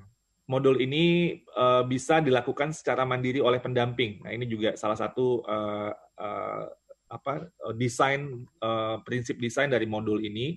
Jadi uh, ad, dengan adanya modul pendamping untuk baik untuk guru dan orang tua, uh, ini bisa dilakukan pembelajaran secara mandiri juga di rumah. Jadi nggak mungkin nggak harus selalu berkomunikasi dengan guru karena memang bisa dilakukan secara mandiri oleh orang tua. Tapi tentunya koordinasi dengan uh, guru itu perlu dilakukan secara berkala, tapi membantu orang tua untuk bisa uh, memudahkan pendampingan yang ada di rumah. Uh, ini contohnya uh, bagaimana dalam satu minggu gitu ya, misalnya di kegiatannya ini ada literasi, ada numerasi, jadi di hari Senin misalnya materinya uh, ada tokoh cerita, alur cerita, kosakata baru, persamaan kata, dan numerasinya tentang uh, jaring-jaring kubus. Ini ada sebuah tema yang dijadikan sebuah uh, tautan dari semua kegiatan gitu. uh, dan kegiatan uh, dalam uh, setiap hari itu ada strukturnya, ada misalnya ada pesan pagi, uh, ayo membaca, kata baruku, ayo menulis, ayo bercerita, ayo berlatih, jurnal bacaku, dan refleksiku. Sedangkan di numerasi, setiap hari kegiatannya ada intuisi bilangan, konsep matematika, dan eksplorasi matematika. Nah, materinya ini bisa bisa bervariasi dan dan ini ada tema-tema tersendiri yang yang ada di setiap minggu. Dan yang jadi ininya juga ada kayak projectnya. Jadi ada semacam kegiatan yang uh, yang lebih funnya gitu ya, yang nanti dilakukan sesudah uh, proses uh, satu minggu selesai. Kalau di literasi misalnya membuat poster untuk menjaga ketertiban lalu lintas. Kalau di numerasi uh, replika kubus dan balok beserta jaringnya. Dan ini dilakukan uh, uh, di hari Sabtu mungkin bisa dengan keluarga, kolaborasi mungkin dengan dengan keluar apa kakak adik dan sebagainya sehingga kemudian bisa mem, apa jadi sebuah kegiatan belajar bersama-sama gitu. Dan ini yang kita inginkan tentunya pembelajaran yang ada ini bisa uh, kontekstual dengan uh, situasi yang ada di masing-masing keluarga yang pasti berbeda-beda ya. Nah, eh, kegiatan harian ini bisa dikerjakan baik itu di sesi pagi, siang, dan sore hari. Jadi eh, karena dia tidak tidak apa full gitu ya 105 menit dan 90 menit ini ini kurang lebih kurang dari 4 jam ya, tiga jaman berapa gitu ya. Tapi ini jadi bisa dilakukan tergantung dengan konteks yang ada di keluarga. Mungkin orang tuanya bekerja di pagi hari, di sore hari, atau di siang hari gitu. Jadi ini bisa disesuaikan. Lalu kemudian ada asesmen diagnostik yang mungkin juga ini bagian dari kelengkapan modul yang dilakukan di semua kelas secara berkala untuk mendiagnosis kondisi kognitif uh, siswa dan non kognitif dalam PJJ. Jadi misalnya dalam uh, non kognitif uh, ditujukan untuk mengakses kondisi uh, psikologi dan sosial sosial emosi siswa, aktivitas selama belajar dari rumah dan kondisi keluarga siswa. Dan kognitif itu untuk melihat bagaimana capaian kompetensi untuk melihat uh, assessment dari ini untuk menjadi pilihan strategi pembelajaran selanjutnya dan untuk melihat siapa yang perlu mendapat pelajaran tambahan dan sebagainya. Nah, assessment diagnostik ini uh, ini kita lakukan dan kita uh, menjadi satu paket dari um, uh, hal yang bisa kita uh, share kepada guru supaya bisa membantu proses pembelajaran yang lebih lebih uh, efektif. Jadi mulainya itu tergantung dari asesmen diagnostik dulu. Siswa udah sampai di mana. Jadi nggak nggak langsung seragam semua siswa. Jadi harus dilihat dan dilakukan diferensiasi tergantung dari hasil asesmen diagnostik. Lalu selanjutnya eh, dengan konteks eh, pada masa pandemi ini kita juga melakukan relaksasi peraturan untuk guru bahwa tidak harus lagi guru mengejar beban mengajar 24 jam tatap muka dalam satu minggu. Sehingga kemudian guru dapat lebih eh, fokus untuk memberikan pelajaran interaktif kepada siswa tanpa khawatir tentang uh, mengejar-ngejar pemenuhan jam. Uh, dan terakhir ini uh, bahwa upaya untuk penerapan kurikulum darurat ini ini tidak bisa dilakukan secara sendirian. Ini harus melibatkan partisipasi uh, semua pihak untuk bisa menjamin bahwa penerapannya bisa terjadi dengan efektif. Jadi ini bukan saja dari orang tua guru dan murid, tapi juga uh, bagaimana sekolah, pemerintah, layanan kesehatan, dan masyarakat sipil untuk bisa bekerja sama memastikan bahwa anak-anak kita bisa terus belajar dengan sehat dan selamat dalam uh, dengan implementasi kurikulum darurat ini. Mungkin demikian dulu dari saya, Mas Danas. Mungkin nanti bisa dilanjutkan ditanya jawab. Iya, sesi tanya jawab. Terima kasih. Warahmatullahi wabarakatuh. Waalaikumsalam warahmatullahi wabarakatuh. Terima kasih Pak Iwan. Ini membuka kembali uh, wawasan kita ya Bapak Ibu guru dan juga sobat karakter bagaimana kurikulum di masa kondisi yang khusus ini memang uh, apa di desain atau dikreasikan untuk dapat memberikan fleksibilitas itu kata kunci pertama ya kemudian mungkin lebih ke adaptif dan juga bagaimana uh, ini juga akomodatif gitu ya terhadap berbagai macam ragam kondisi peserta didik ataupun juga uh, kondisi gurunya ataupun satuan pendidikan yang ada di seluruh Indonesia Nah, yang menarik nih Pak Iwan tadi ada poin tentang fleksibilitas tentang jam pelajaran yang tidak lagi harus dikejar-kejar 24 jam gitu ya. Tetapi ini juga menjadi menarik karena kan tadi kondisi di sisi siswanya untuk yang pasti PJJ atau belajar dari rumah kan berbeda-beda Pak Iwan. Misalkan untuk yang uh, kalau yang SMP ke atas mungkin sudah bisa belajar mandiri. Tetapi yeah. yang untuk butuh pendampingan seperti PAUD dan SD ini Pak Iwan, itu kan beda beda-beda gitu ya. Ada yang orang tuanya bisa mendampingi penuh, ada yang tidak gitu. Misalkan uh, kondisinya ada bekerja gitu ya. Nah ini gimana caranya guru itu bisa apa? Misalkan mungkin apakah mungkin membagi kelompok-kelompok uh, kecil untuk oke okay, yang kelompok satu kita layani pukul 8 sampai pukul 10 terus kemudian diganti dan lain sebagainya. Itu boleh nggak sih Pak Iwan seperti itu? sangat boleh, sangat boleh dan uh, perlu uh, perlu dilakukan. Kalau menurut saya itu hal yang perlu dilakukan. Jadi jam pelajaran itu tidak uh, mematok jam yang biasa gitu. Yang tadi Mas Danas bilang bahwa kelompok-kelompok kecil itu bisa di di apa dilakukan sehingga apa yang mungkin uh, ada kelompok yang bisa belajar di jam 8 gitu ya, ada yang mungkin udah agak siang gitu karena orang tuanya nggak bisa mendampingi baru bisa pulang kerja misalnya sore hari. Itu bisa di, bisa dilakukan sangat bisa dilakukan. Dan uh, ini juga membutuhkan mungkin struktur kerja dari guru-guru ya yang mungkin juga perlu perlu dilihat uh, apa yang menjadi uh, hal yang relevan uh, dengan konteksnya. Jadi uh, karena jam jam mengajarnya uh, bisa lebih bervariasi dan kemudian bisa menjadi uh, apa penyesuaian-penyesuaian sesuai dengan kondisi orang tua juga. Baik, ini jadi memang uh, kerja bersama tadi ya terakhir adalah kolaborasi antara orang tua dan guru menjadi kunci kesuksesan atau keberhasilan dari pembelajaran jarak jauh ini Pak Iwan ya. ya. Baik, terima kasih Pak Iwan. Nanti kita akan sampai ke apa sesi tanya jawab yang akan lebih kayaknya lebih banyak nih menarik banyak curhatan mungkin ya banyak pertanyaan dari para guru yang sudah bergabung. Oke, okay. Kita uh, sebelum ke pembicara ketiga ada Dr. Lula Kamal yang sudah siap-siap di uh, balik sana di balik layar. Uh, kita akan menikmati bersama-sama. Ini adalah bulan kemerdekaan. Saatnya kita juga ikut memeriahkan bulan kemerdekaan ini bersama teman-teman dari Purna Bakti Gita Bahana Nusantara uh, ini dari tahun 2003 sampai dengan 2019 luar biasa persaudaraan dari kita Bahanan Nusantara ini. Yuk kita sambut bersama alumni atau Purna Bakti Gita Bahanan Nusantara yang akan membawakan lagu-lagunya berikut ini. Silahkan.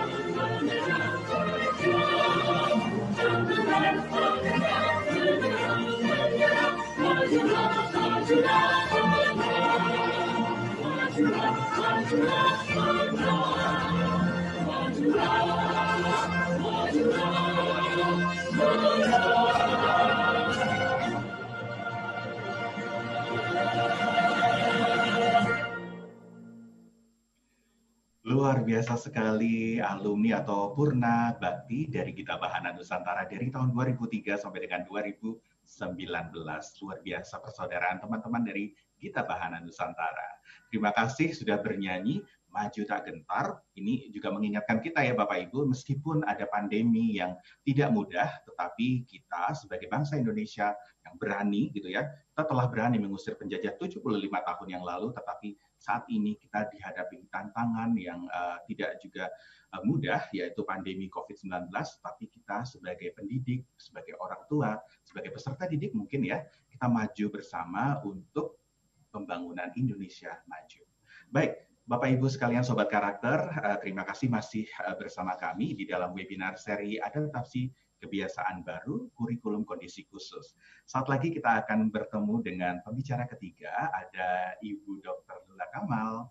Selamat pagi Ibu, ini beliau adalah seorang dokter dan juga uh, pendidikan terakhirnya adalah di King's College London di uh, apa Inggris. Kemudian beliau juga alumni dari ACLS uh, dari University of Indonesia tahun 2002 untuk Advanced Cardio Life Supporting Training dan beliau juga dikenal sebagai seorang pembicara publik dan juga uh, pegiat pendidikan dan juga uh, banyak sekali jadi host di berbagai uh, media massa di Indonesia. Selamat pagi, Ibu Dokter. Selamat pagi. Aduh senang sekali akhirnya bisa berjumpa gitu ya dengan Bu Dr. Lula Kamal. Ini idola saya sebenarnya. Sudah pinter, terus eh, semangat uh, jiwa kemanusiaan, jiwa sosialnya juga sangat luar biasa. Terima kasih sudah bisa bergabung. Bu Dokter, uh, boleh dipanggil Bu Dokter atau gimana nih? Dokter oh, boleh Lula Kamal. Mau Lula Kamal juga nggak apa-apa, terserah boleh aja kok. boleh, terima kasih sudah bergabung. Ini adalah sesi yang sangat menarik, Bu, uh, karena tadi kita sudah mendengarkan uh, diskusi dari pembuat kebijakannya, terus kemudian juga uh, sempat dari uh, gurunya. Nah, sekarang ini kita ingin mendengar nih dari perspektif orang tua. Uh, Bu Lula Kamal ini punya juga anak yang sepertinya kalau nggak salah baru lulus dari SMA kemarin ya. Ada uh, yang lulusan SMA, lulusan ada corona katanya. Itu benar nggak oh, sih? Tapi uh, kita boleh nggak uh, dibagi gitu ya praktik-praktik bagaimana mendampingi buah hati selama masa pandemi ini. Ini tentunya bukan hal yang mudah gitu ya bagi anaknya. Tadi kan sempat disebutkan selain kesehatan fisik, tetapi juga ada kesehatan sosial apa uh, psikososialnya yang harus dijaga. Nah mungkin Bu Dokter bisa juga memberikan tips kepada orang tua yang ada di sini uh, bagaimana sih kita itu bersama-sama untuk menyukseskan tadi pembelajaran jarak jauh yang ada di masa pandemi kali ini. Silahkan Bu Dokter. Baik. Assalamualaikum warahmatullahi wabarakatuh. Salam sejahtera buat kita semua. Jadi hari ini uh, bagi-bagi uh, apa ya pengalaman barangkali ya yang pasti kita semua mengerti bahwa uh, apa yang kita hadapi sekarang nggak mudah. Tadi mendengar ceritanya Bu Titi, Bu Titi aku salut loh sama Bu Titi hebat banget ya, kebayang gitu ya masih uh, terbatas sekali banyak keterbatasan kan sebetulnya kan kita semua. Kemudian juga bicara Indonesia yang kepulauannya sebegitu banyak, ceritanya juga pasti beda-beda permasalahannya. Nah, kemudian uh, saya mau cerita sedikit bahwa uh, ada satu anak saya yang memang satu sudah kuliah, satu lagi baru lulus SMA lulusan corona, betul. Yang jadi wisudanya semuanya online lah semuanya ya. Um, ada yang sedih, tapi saya cuma bilang sama dia nggak usah sedih deh gitu ya. Selalu pasti ada hikmah di balik yang kita hadapi dengan sulit. Tapi saya masih punya yang kembar, Mas. Saya punya yang kembar umurnya 10 tahun. Nah, ini dia nih yang jadi senternya semua. Jadi kalau ibu-ibu lain mesti mengajari anaknya satu, kalau saya mesti ngajarnya dua langsung. Dan eh, tentu distractionnya ya, maksudnya gangguannya itu jadi lebih banyak. Kenapa? ya dengan sendirinya mereka berdua aja pasti main terus. Ditinggal sedikit juga main terus. Uh, saya bawa bawa slide sedikit. Ini sih hanya mengingatkan. Saya kadang-kadang juga kalau lupa, saya langsung ingetin. Oke, okay, kita harus ngerti bahwa syarat pertama belajar tuh apa sih? Ini syaratnya cuma satu sih, dan nggak usah macam-macam yang lain. Pokoknya ada syarat satu ini sudah cukup menyelesaikan permasalahan kita dalam belajar. Uh, next ya, ini dia ceritanya adalah aturan utama belajar. Cuma ini sisa cuma satu Belajar itu harus menyenangkan. Kalau belajar tidak menyenangkan, sudah pasti nggak akan masuk yang dipelajari. Kalau belajar pakai kepaksa, udah pasti nih, barangkali sekarang kalau ditanya masih bisa. lima menit kemudian juga udah nggak ingat. Dan memang belajar itu belajar yang paling bagus itu adalah belajar sambil bermain. Banyak yang suka tanya sebetulnya ya, kalau bicara bicara menyenangkan itu kan gimana disuruh bisa menyenangkan sih? Uh, kalau misalkan uh, kita bicara kita kita belajar sesuatu yang sulit dan alatnya juga susah, terus caranya juga susah, gimana gitu, gimana bisa menyenangkan. Memang gurunya harus kreatif, memang orang tuanya harus kreatif. Tapi saya ya, cuma mau mengingatkan saja, di hidup ini kita harus belajar terus kan kita nggak akan berhenti belajar. Nah saat ini kita juga akan belajar nih, belajar jadi orang tua untuk mendampingi anaknya. Barangkali sebelum-sebelumnya kita nggak usah mendampingi pun, ah udah oke, okay. sekolahnya sudah menyelesaikan, gurunya sudah menyelesaikan. Sekarang kita belajar lagi ceritanya nih sebagai orang tua juga. Next ya, slide selanjutnya ya. Slide selanjutnya saya mau bertanya nih sebetulnya. Kita kan kalau di hidup tuh ada masanya banyak. Ada dari bayi balita, ada sekolah, kuliah, kerja begitu sampai yang terakhir tuh ada berumah tangga dan menjadi orang tua. Semua itu kita belajar karena nggak ada yang langsung langsung bisa tuh nggak ada. Yang paling penting sekarang ya adalah saya mau bertanya di masa yang mana kita belajarnya paling banyak. Ternyata masa yang paling banyak itu adalah waktu kita bayi dan balita. Karena itu juga bayi dan balita itu yang namanya otak kita itu berkembang paling bagus. Makanya ada yang namanya seribu hari pertama kehidupan, ada yang namanya golden period. Karena kita sebetulnya waktu bayi itu kita belajar 24 jam. Dari belajar bicara, belajar mengenai gelap terang, belajar semua. Nah, biasanya belajar agak mundur nih biasanya ya. Waktu kita sampai di setelah kuliah, terus kerja, waktu bekerja tuh kita dapat suasana yang makin lama makin nyaman, kita menguasai bidang kita, udah nggak pernah belajar lagi. Jadi orang tua kita mulai belajar lagi sebetulnya ya. Tapi kadang-kadang nyaman juga tuh. Pokoknya pakai cara kita diikutin sama anaknya. Padahal harusnya kita nggak berhenti belajar. Sebetulnya otak kita juga butuh loh belajar, tapi belajarnya memang harus menyenangkan. Kalau ditanya, bayi dan bayi itu pasti menyenangkan. Gini ya, ibu-ibu nih yang di sini ikutan sama saya. Waktu anak kita belajar jalan, kan pasti jatuh lagi, jatuh lagi. Pernah nggak kita marahin? Gimana sih? Udah berkali-kali masih jatuh juga. Nggak pernah kan? Biasanya kalau anak kita belajar jalan baru satu langkah, oh pinter, oh hebat. Nah itu caranya ya. Jadi pada dasarnya buat si anak juga semuanya tuh supportnya bagus semua. Nah ini juga yang dibutuhkan sebenarnya sama anak kita waktu dia belajar. Makin sulit yang dia pelajari, makin sulit yang kita ajarkan kepada kita, pada dia gitu ya, kita harus memberikan lebih banyak lagi support. Jadi waktu kita bilang, wah hebat, begitu ya, atau ada hadiah apa pun juga yang kita berikan, Gak usah mikirin barang, barang kalian yang harus dibeli. Tapi kata-kata yang menyenangkan, kitanya ketawa dengan senang, itu sudah menyenangkan. Itu sudah jadi hadiah tersendiri buat anak kita. Jadi mulai dari sekarang, kalau ngajarin, jangan marah-marah ngerti memang tidak mudah karena saya juga orang tua saya tahu banget udah diajari berkali-kali. Ternyata pas pas ditanya apa yang nggak bisa? Nggak bisanya dari awal lagi berarti dari tadi kita ngomong itu dengerin apa enggak sih? Pasti begitu kan? Tapi ternyata kalau mau efektif belajarnya itu dia harus senang kita juga harus senang sebetulnya ya. Nextnya saya punya gambar. Ini nih yang kejadian sekarang. Walaupun kalau ini ceritanya adalah ya semuanya tuh punya gadget, punya sarana yang cukup. Tadi kan kalau Bu Titi ceritanya kan Eh, nggak uh, semua orang lo punya sarana cukup, tapi Bu Titi yang punya sarana cukup itu pun banyak ceritanya.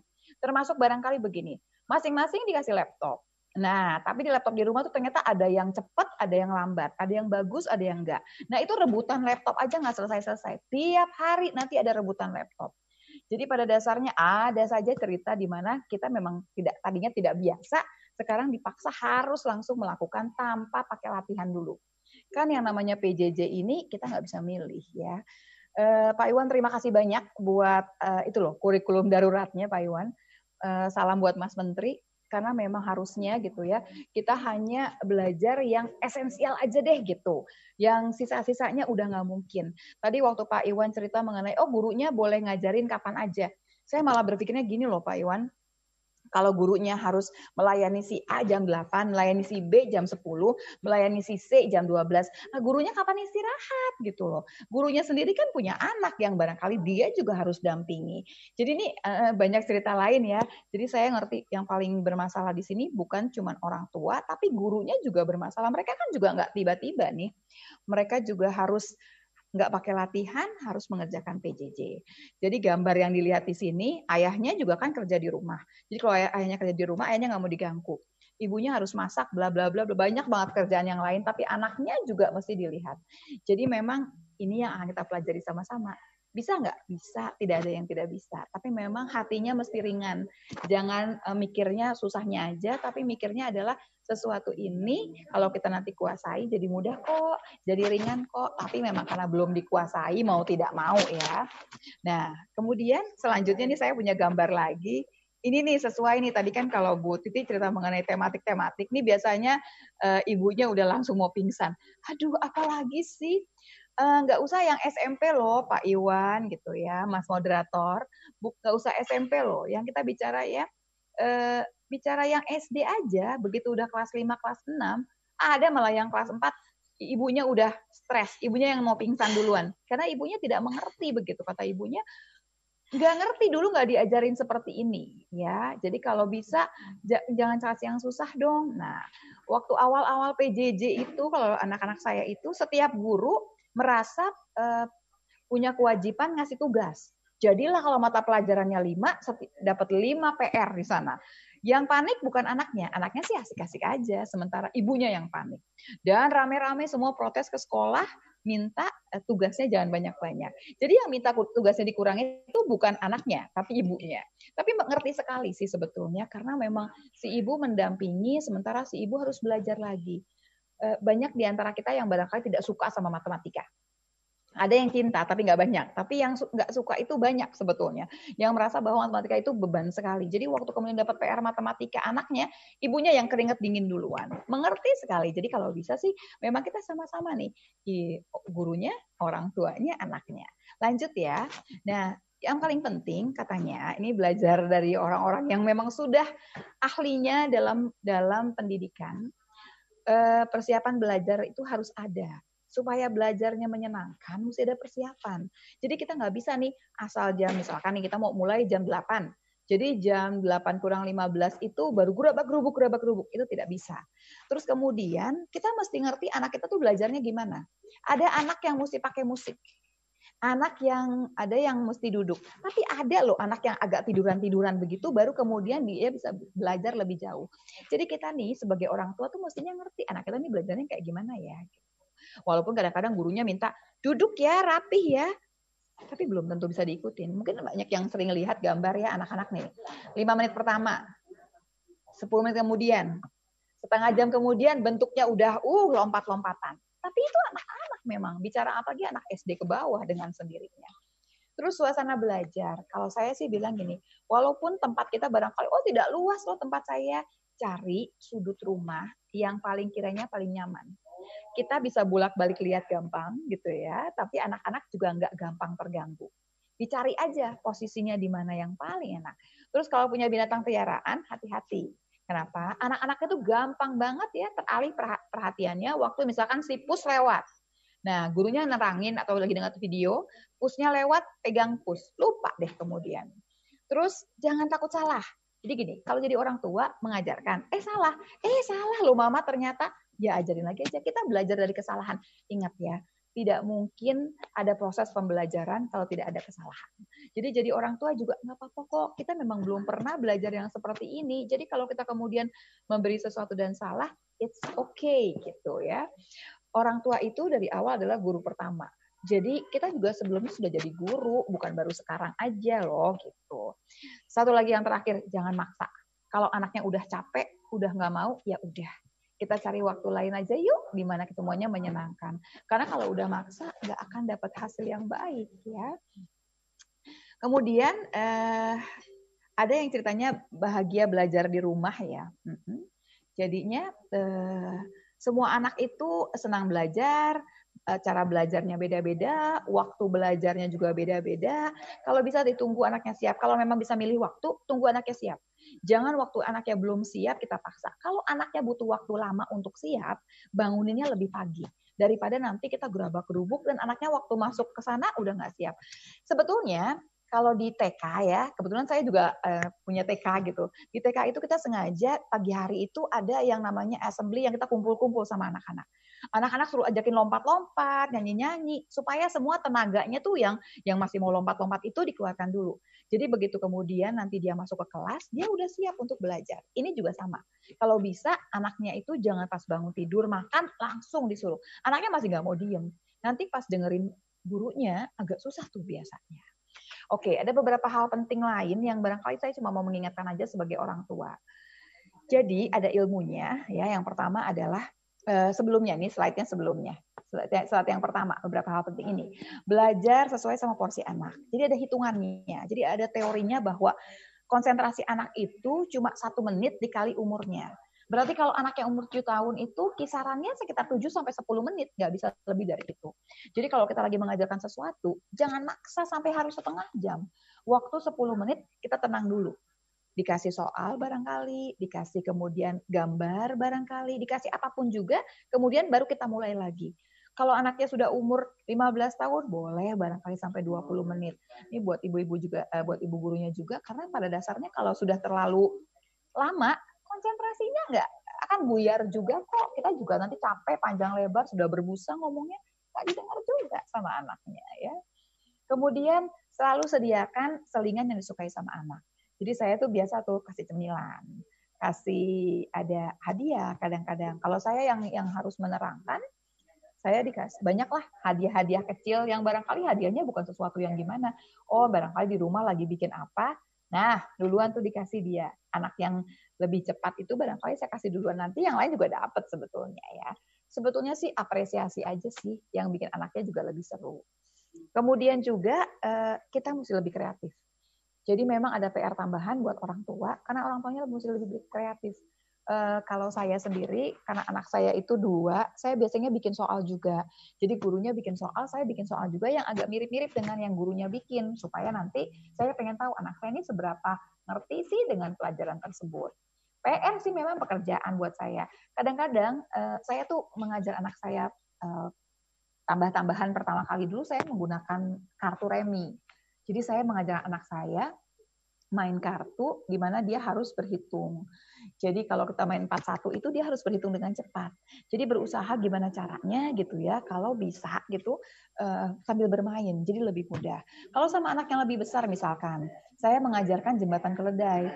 Nah, ya kalau mau menghafal ini ya, coba dia mikirin ini. Nanti uh, terus saya bilang sama anak saya yang SMA ini, ini loh jembatan keledainya, Mama dulu zaman dulu sih begini jembatan keledainya. Terus mereka dia bilang, aku bikin sendiri boleh nggak, Mah? Boleh jembatan keledai itu adalah memang buat kita sendiri kita pakai terserah. Nanti mereka seru tuh. Kadang-kadang jembatan keledainya itu lebih lebih bagus daripada apa yang saya terangkan gitu. Nah, itu menyenangkan sekali. Ada yang namanya mind map juga ya. Kemudian belajar dari kesalahan.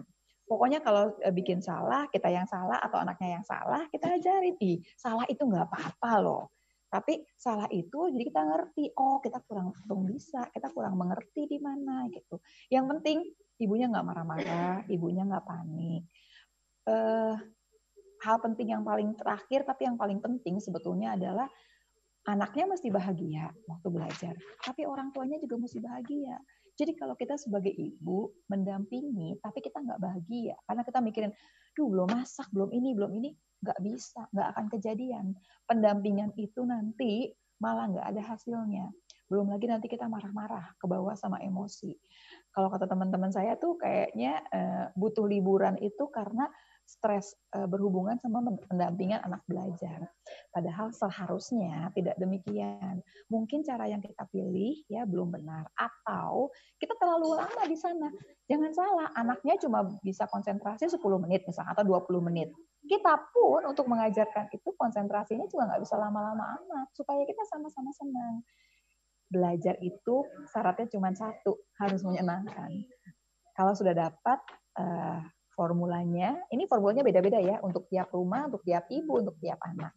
Anak saya yang kembar saja, ceritanya beda. Apalagi kemudian anak yang beda usia, anak yang backgroundnya berbeda. Intinya sekarang ketemu formulanya, ketemu polanya, waktu menyenangkan, jalannya akan lebih baik kita mesti mengerti bahwa keterbatasannya banyak. Salah satunya keterbatasan gadgetnya. Tapi jangan salah. Atau kalau nggak gadget ya barangkali lainnya ya kan harus daring. Tiba-tiba wah tidak pas di mau daring eh, lainnya tiba-tiba terputus. Tapi apa pun ceritanya, semua permasalahan pasti ada solusinya. Tapi menjalaninya jangan panik, menjalaninya harus bahagia supaya dapatnya adalah hasil yang terbaik. Begitu ya, Mas. Luar biasa, Bu Dokter. Ini uh, sangat mengembangkan atau menguatkan hati para orang tua sepertinya ya. Penting banget tadi itu. Memang ini tidak mudah, tapi ya jangan panik karena tadi itu kalau kita mau mendampingi buah hati, kalau kitanya nggak siap, uh, jangan-jangan nanti malah pendampingannya tidak optimal. Ini sangat uh, penting sekali, Bu Dokter. Dan boleh nggak dibagi? Ini kan menjadi orang tua tidak mudah gitu ya kira-kira dokter dulu itu belajar menjadi orang tua di masa pandemi ini tuh pasti ada uh, jatuh bangunnya gitu. Ada tips nggak sih Bu Dokter untuk bisa memberikan pendampingan yang optimal tadi? Ya, pastilah ada jatuh bangunnya, pastilah hmm. yang uh, tiba-tiba sampai keluar tanduk gitu ya, atau tiba-tiba rambutnya keriting saking udah nggak kuat. Saya kadang-kadang kalau teman-teman saya uh, curhat kan kita punya grup yang kita curhat gitu ya, pokoknya ventilasi lah sambil dikeluarkan semua. Saya cuma bilang gini deh, kan anak saya kembar. Kalau dia uh, cuman apa ngeluh satu anak, saya tuh langsung dua anak loh gitu. Dan dua anak itu permasalahannya cuma satu. Mereka saja bisa kemudian berkoalisi gitu loh ya bikin sesuatu yang ceritanya lebih lain lagi gitu. Jadi intinya sekarang adalah saya cari posisi yang paling baik. Pokoknya gimana caranya menyenangkan dua-duanya ini anak saya kan dua dan memang caranya beda. Yang satu uh, modelnya yang modelnya harus duduk tegak, baru tuh bisa masuk. Yang satu tuh kalau tegak gitu malah nggak masuk. Mesti yang agak hmm. gini-gini gitu modelnya. Jadi ya saya udah lihat oke, okay, nggak usah dipaksa. Mana yang mana modelnya. Walaupun kayaknya barangkali ibu-ibu pengennya kan harusnya tegak, harusnya rapi. Nggak bisa. Ada anak-anak yang memang tidak seperti itu. Ada yang mesti pakai lagu. Saya siapkan, oke okay, mau dengar lagu apa. Ada yang tidak pakai lagu. Ada yang begini saya kasih kadang-kadang. Oke, okay, kalau udah dapet terus bikin tugasnya dan bagus, kita boleh break sejenak, boleh main games. Hmm. Kadang-kadang games itu eh, jadi hadiah buat mereka. Atau misalkan mereka boleh uh, melakukan sesuatu yang mereka suka naik sepeda. Naik sepeda kan nggak bisa keluar nih, berarti di rumah. Jadi kadang-kadang tuh di rumah ya saya geser semua furniture supaya anak saya bisa muter-muter di sana. Walaupun berantakan rumah saya, tapi yang penting anaknya bahagia dulu dan kemudian belajar jadi menyenangkan. Karena ada hadiah-hadiah kecil yang selalu jadi surprise buat mereka. Yeah. Tapi kalau ditanya tetap nggak mudah ya, bukannya yeah. mudah. Iya, ini benar sekali. Tidak mudah, tetapi kata Bu Titi tadi gitu ya, bukan mencari alasan, tetapi bagaimana kita tadi tujuannya atau purpose-nya adalah belajar harus menyenangkan gitu ya. Luar biasa. Berarti kita juga ada support system dan juga uh, jangan lelah untuk menggali terus karena setiap anak pasti berbeda dan setiap anak pasti punya uh, surprise-nya gitu ya kejutannya setiap saat dan itu penting untuk orang tua. Baik Bapak Ibu, sobat karakter yang kami muliakan, terima kasih setelah uh, bergabung di dalam webinar seru belajar kebiasaan baru, sorry, adaptasi ke pembelajaran kebiasaan baru, kurikulum di kondisi khusus. Baik, kita akan uh, ke sesi berikutnya. Ada sesi tanya jawab dengan para narasumber. Ada tiga narasumber kita. Kami undang kembali Pak Iwan, Bu Titi, dan Bu Dr. Lula Kamal. Oke, kita mungkin mengundang Ibu Titik dulu ya. Ada pertanyaan yang sudah dihimpun panitia dari Slido. Uh, silahkan bisa ditampilkan. Oke, untuk narasumber pertama, bagaimana cara memetakan kompetensi yang esensial bagi peserta didik sehubungan dengan penerapan kurikulum di kondisi khusus ini? Uh, ini dari Pak Gunawan uh, untuk Ibu Titi. Ibu Titi mungkin bisa dibantu uh, menjawab untuk pertanyaan yang pertama ini. Silahkan Ibu. Baik, terima kasih untuk Pak Alex. Halo Pak, salam kenal. Uh, pertanyaannya bagaimana cara memetakan kompetensi yang esensial bagi peserta didik sehubungan dengan penerapan kurikulum kondisi khusus. Jadi kalau kami di sekolah kami itu KD-nya dicari KD mana yang kira-kira paling cocok uh, atau paling sesuai untuk diterapkan sesuai dengan kehidupan sehari-hari atau konteks dalam kehidupan sehari-hari. Begitu. Contohnya kalau misal kemarin ya karena saya mengajar kelas 6 SD itu materi untuk IPA di kurikulum 2013 itu lumayan banyak sekali Pak tentang uh, perkembangbiakan hewan dan tumbuhan. Akhirnya kade yang kami apa namanya kami gunakan untuk kegiatan anak itu anak diminta untuk menggambar uh, tanaman atau pohon yang terletak di lingkungan rumahnya, kemudian disertai dengan cara perkembangbiakannya itu apa. Kemudian dalam satu hari itu kami juga tidak terlalu banyak mata pelajaran yang diberikan kepada anak. Jadi dalam satu hari itu hanya 2 sampai 3 mata pelajaran saja.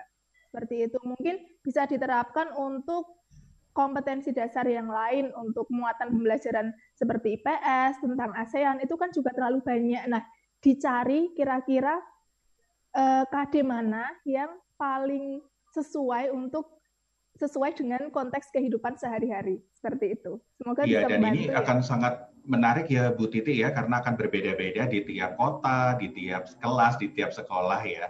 Nah, iya, itu kalau saran dari Bu Titi adalah bagaimana kita mengenali lingkungan sekitarnya untuk kemudian terus mencari yang paling pas yang bisa diterapkan di pembelajaran ya, Bu ya. Baik. Terima kasih iya, Bu Titi. Kita uh, ke pertanyaan berikutnya untuk Pak Iwan, Pak Dirjen. Ini dari Bu Mus, uh, saya nggak tahu ini Muko Robin, ini Bapak atau Ibu. Pak Dirjen, kurikulum disederhanakan dan fleksibilitas karena pandemi. Tapi bagaimana menetapkan standarisasi capaian pembelajaran di sekolah agar parameter mutunya tetap terjaga nih Pak Dirjen? Mohon dijawab Pak, silahkan. Oke, uh, terima kasih Pak Robin ya, Mas Danes. Pak Robin, iya, seperti okay. Bapak ini. Capaian pembelajaran nggak berubah tentunya Pak. Jadi artinya uh, kurikulum tadi di, uh, disampaikan juga dijelaskan oleh Mas Menteri uh, kemarin bahwa uh, kurikulum yang disederhanakan ini prinsipnya adalah hal-hal yang esensial dan kemudian menjadi prasyarat untuk uh, ke, apa ke, kelanjutannya. Jadi kontinuumnya itu diperhatikan. Jadi itu yang menjadi uh, apa namanya uh, dasar dari penyederhanaan itu. Jadi untuk untuk fokus pada hal yang paling esensialnya di prasyarat sehingga capaian pembelajaran tidak akan jadi masalah. Baik, uh, jadi tidak ada masalah ya kurikulum apa capaian pembelajarannya ya. masih tetap uh, bisa ya. Yang ya. penting adalah uh, tadi itu pembelajaran tetap uh, yang harusnya bermakna dan ya. tidak harus mengejar ketuntasan kurikulum, gitu ya Pak ya. Betul. Baik, terima kasih. Ini berikutnya pertanyaan Ibu Dokter, Bu Dokter, bagaimana peran orang tua dalam pembelajaran daring? Uh, untuk menciptakan khususnya ini sinergi nih antara guru dan juga orang tua. Kadang-kadang kan suka bingung nih antara orang tua dan juga gurunya gitu ya. Itu bagaimana nih Bu Dokter? Silahkan. Jadi buat Mbak Devi ya, Iya, Mbak Devi. Yang, yang pertama adalah memang harus ngobrol banyak nih sama gurunya. Karena kita masih mesti menyamakan persepsi. Maksudnya gimana sih? Kan uh, ada yang namanya kurikulum darurat tadi kan. Jadi maksudnya juga kita nggak akan sebanyak kurikulum biasanya. Mana yang paling penting Mbak, yang harus anak kita kuasai. Kadang-kadang waktu menerangkan lebih jauh itu ya, eh, kan rame-rame dalam keadaan daring, kadang-kadang nggak semua anak bisa menangkap. Kalau anak saya ternyata tidak bisa menangkap, saya biasanya langsung akan tahu oh mendampingi. Dan gurunya punya grup, kita biasanya punya grup WhatsApp ya. Gurunya mengatakan kayaknya uh, masih agak agak ber, agak kurang begitu anak saya. Saya menambah yang kurang saja. Saya nggak nggak kemudian harus menjelaskan semuanya. Tapi kalau saya sendiri tidak bisa bagaimana? Kita mesti balik lagi kepada gurunya. Bu, saya sendiri nggak bisa menerangkan nih Bu. Barangkali Ibu bisa menambah. Atau bisa dicek kadang-kadang satu kelas itu misalkan ada 15 anak, ternyata eh, 10 anak masih belum eh, belum mengerti, berarti masalah yang sama akan diulang kembali. Karena kalau kita bicara di Jakarta ya, kita nih eh, zonanya belum ada yang kuning. Kalau kayak tadi Bu Titi kan ada ya Bu ya bisa langsung pendampingan ke rumah. Kalau tidak, terpaksa memang kita harus bekerja sama. Jadi kita sama guru yang barangkali tadinya ketemunya kalau cuma ngambil rapot begitu ya atau ada anak kita bermasalah sekarang memang lebih sering. Lebih sering ngobrolnya lebih sering berceritanya supaya kita sama-sama dalam uh, jalur yang sama. Kita saling membantu di sini. Memang kita sama-sama berada dalam permasalahan yang memang sama begitu karena kita juga semua tidak punya latihan untuk PJJ ini. Gurunya juga pada dasarnya juga memang mereka juga sambil belajar ini adalah pekerjaan yang harus dilakukan bersama-sama. Jadi kalau bisa sih memang dengan senang hati mengerjakannya sama-sama. Jangan pernah berpikiran begini, udah bayar sekolah katanya, kenapa mesti guru? Ya harusnya gurunya dong, bukan kita. Gak bisa seperti itu. Nah, gak bisa yang ya. gak bisa. Yang ini nih kita mesti bareng-bareng nih ya, mau iya. tidak mau. Iya, karena uh, kolaborasi ini menjadi kunci. Kalau orang Indonesia sih sebenarnya mengenalnya dengan kata gotong royong ya Bu Dokter ya.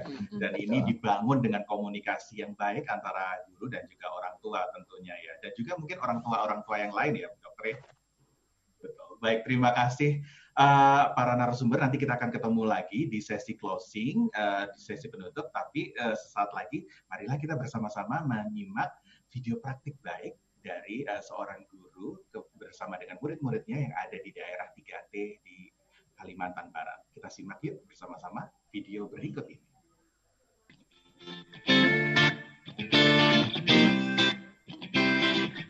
Assalamualaikum warahmatullahi wabarakatuh. Hai teman-teman, kembali lagi sama Oza. Di sini Oza akan bercerita berkreasi yang disuruh oleh Bu Titis. Jadi ini itu tugas sekaligus menghibur kalian semua ya. Kita yang berjudul Looks for Rhyme.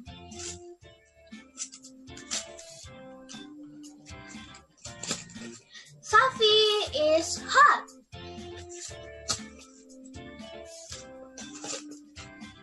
Pow, pow, pow, pow. No, just a bird. A new friend. Hi, I'm Oli. Sudah habis ya. Jadi sekian dari Ozo. Maaf jika kalau Ozo ada salah-salah salah-salah di bahasa Inggrisnya karena Ozo kan masih belajar bahasa Inggrisnya juga. Sebenarnya tidak harus menggunakan bahasa Inggris. Sekian dari Ozo. Terima kasih. Assalamualaikum warahmatullahi wabarakatuh. Dadah. Assalamualaikum warahmatullahi wabarakatuh. Kali kami disuruh Bu Titis Katikawati untuk mencari salah satu tanaman yang merupakan simbiosis. Kalian tahu nggak, simbiosis ada tiga macam, yaitu mutualisme, komensalisme, dan parasitisme. Jadi, tumbuhan yang ada di sekitar saya. Sampai di sini dulu ya. Assalamualaikum warahmatullahi wabarakatuh. Assalamualaikum semuanya, perkenalkan nama saya Reva Fitriani dari kelas 5A SD 09 Sanggau. Wali kelasnya adalah Bu Titis Kartikawati. Di sini saya akan menjelaskan tentang siklus air.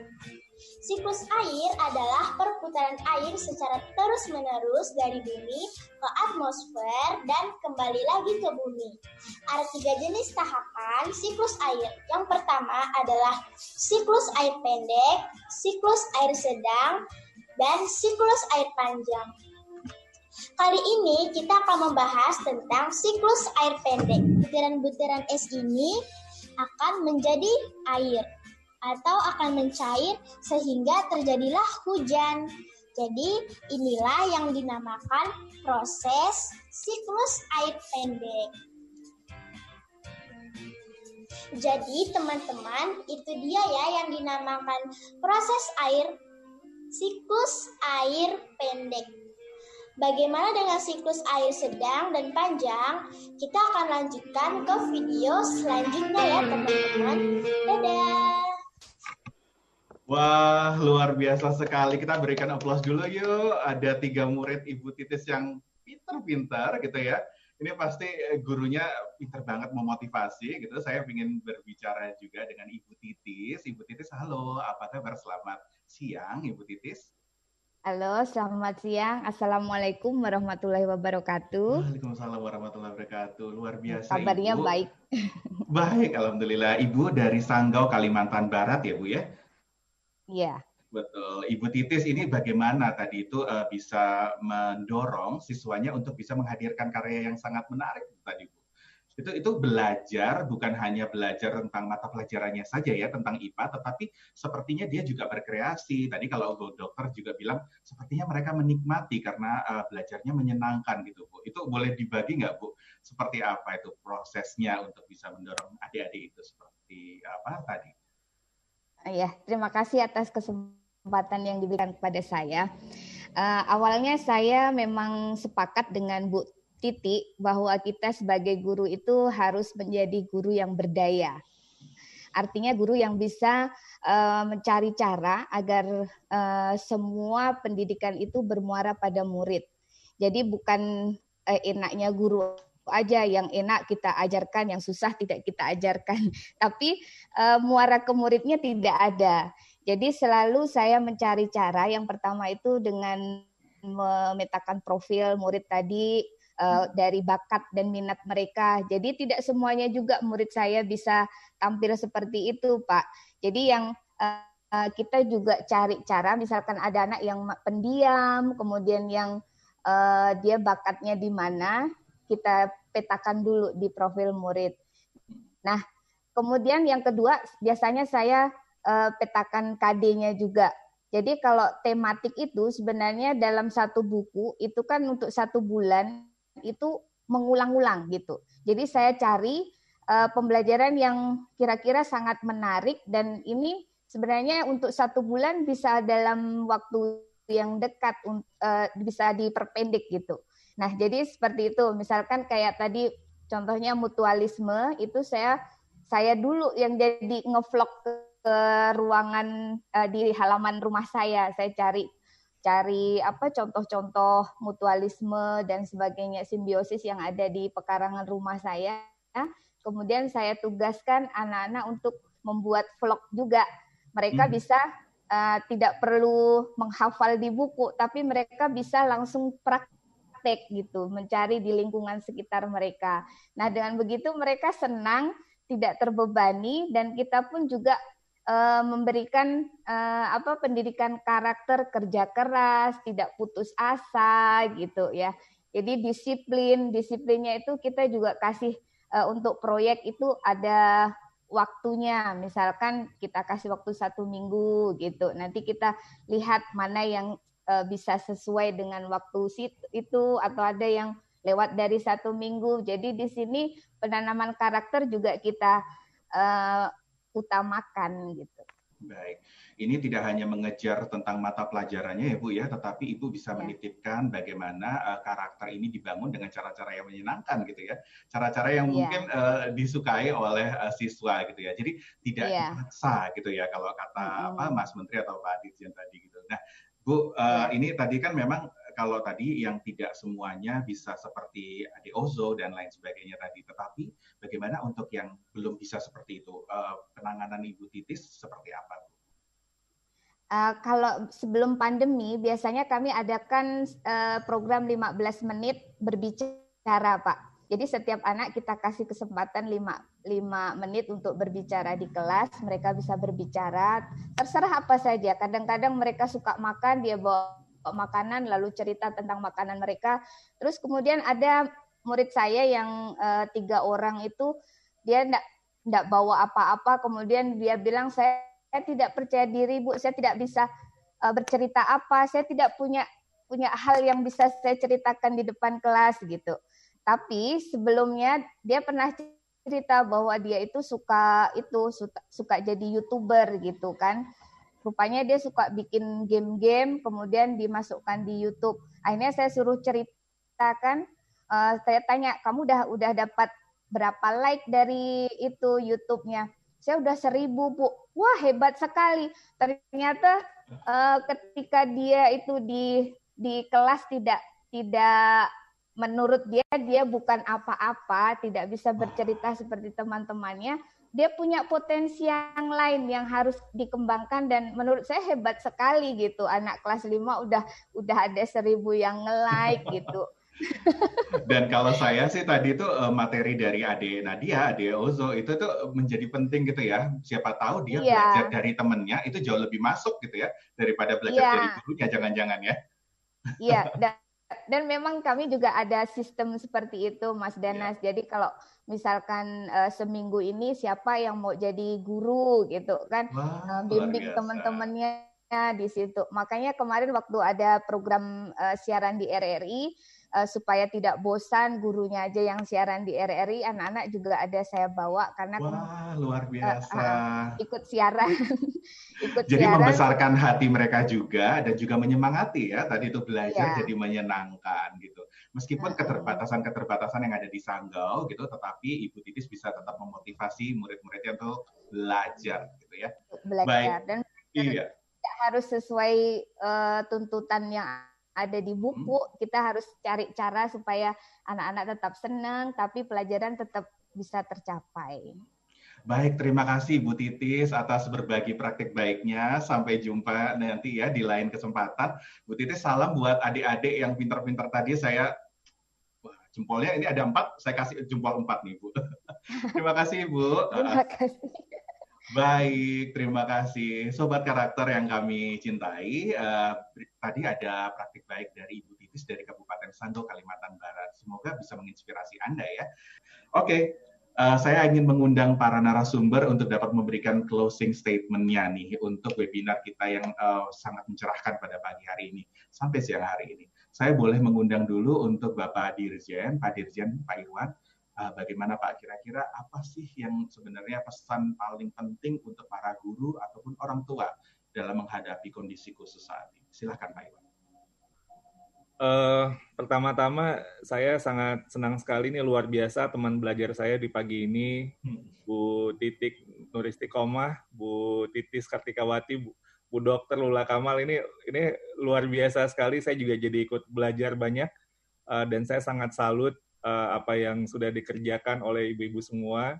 Kalau Bu Titik dan Bu Titis ini namanya mirip ya, beda S sama K aja ya. Atau itu saudara kembar juga kali ya Bu Dokter Lula itu. uh, luar biasa. Saya nggak tahu ini ibu belajar dari mana, tapi keren banget. Sumpah ini keren banget. Uh, ibu-ibu ini uh, saya salut. Mudah-mudahan nanti saya sempat mampir kalau silaturahmi sama Ibu Titik sama Bu Titis ya. Bu Silahkan ke Sanggau, Pak. Insya Allah. Ke Sanggau kami tunggu, Pak. Insya Allah. Insya Allah. Uh, Bu Lula Kamal, aduh saya jadi jadi mikir ini ibu ini ibu dokter apa ibu guru gitu ya. Nah, benar. kalau saya punya ini sekolah saya langsung rekrut deh nggak usah interview-interview lagi apa ini keren banget ini sa, sa, harusnya nih dulu pendidikan guru aja bu dokter jangan pendidikan dokter ya dunia harus gitu keren ini luar biasa. Pak. Filosofinya sangat pendidikan sekali sangat yeah. guru sekali. Juga saya jadi bingung nyebutnya ibu dokter apa ibu guru gitu. Tapi yang jadi menurut saya kunci utama kenapa ibu-ibu ini keren-keren teman belajar, belajar keren-keren adalah memang filosofi pendidikan itu harus berpusat kalau uh, kalau tadi uh, Bu Bu dokter bilang tentang uh, apa menyenangkan. Dan saya sangat sepakat. Filosofi kita kan Pak Ki, uh, Ki Hajar Dewantara itu kan menamakan sekolahnya kan taman, ya, taman siswa, taman guru ya dan taman. Jadi terinspirasi dengan konsep memang taman kanak-kanak tapi pembelajaran itu harus menyenangkan bagi siswa dan yang berpihak kepada murid itu juga salah satu uh, filosofi dari Ki Hajar Dewantara. Uh, beliau menggunakan kata-kata berhamba kepada murid, artinya dalam hal ini betul-betul orientasi utama uh, seorang pendidik itu adalah kepada murid. Ini tadi Bu Titis, Bu Titik dengan segala ilustrasinya sangat sangat uh, apa uh, artikulatif sekali untuk menceritakannya tanpa Ibu sadari ya, tapi bagi saya itu luar biasa dan nggak mudah Ibu. Uh, saya juga uh, sering banyak juga saya juga seorang guru gitu ya dan juga ketemu guru banyak. Ini hal yang sangat fundamental dan itu hadir di dalam hati Bu Titik dan Bu Titis. Jadi luar biasa bahwa anak-anak itu beragam karena keragaman sebenarnya kan fitrah penciptaan dari yang maha kuasa ya. Jadi nggak ada yang sama semuanya.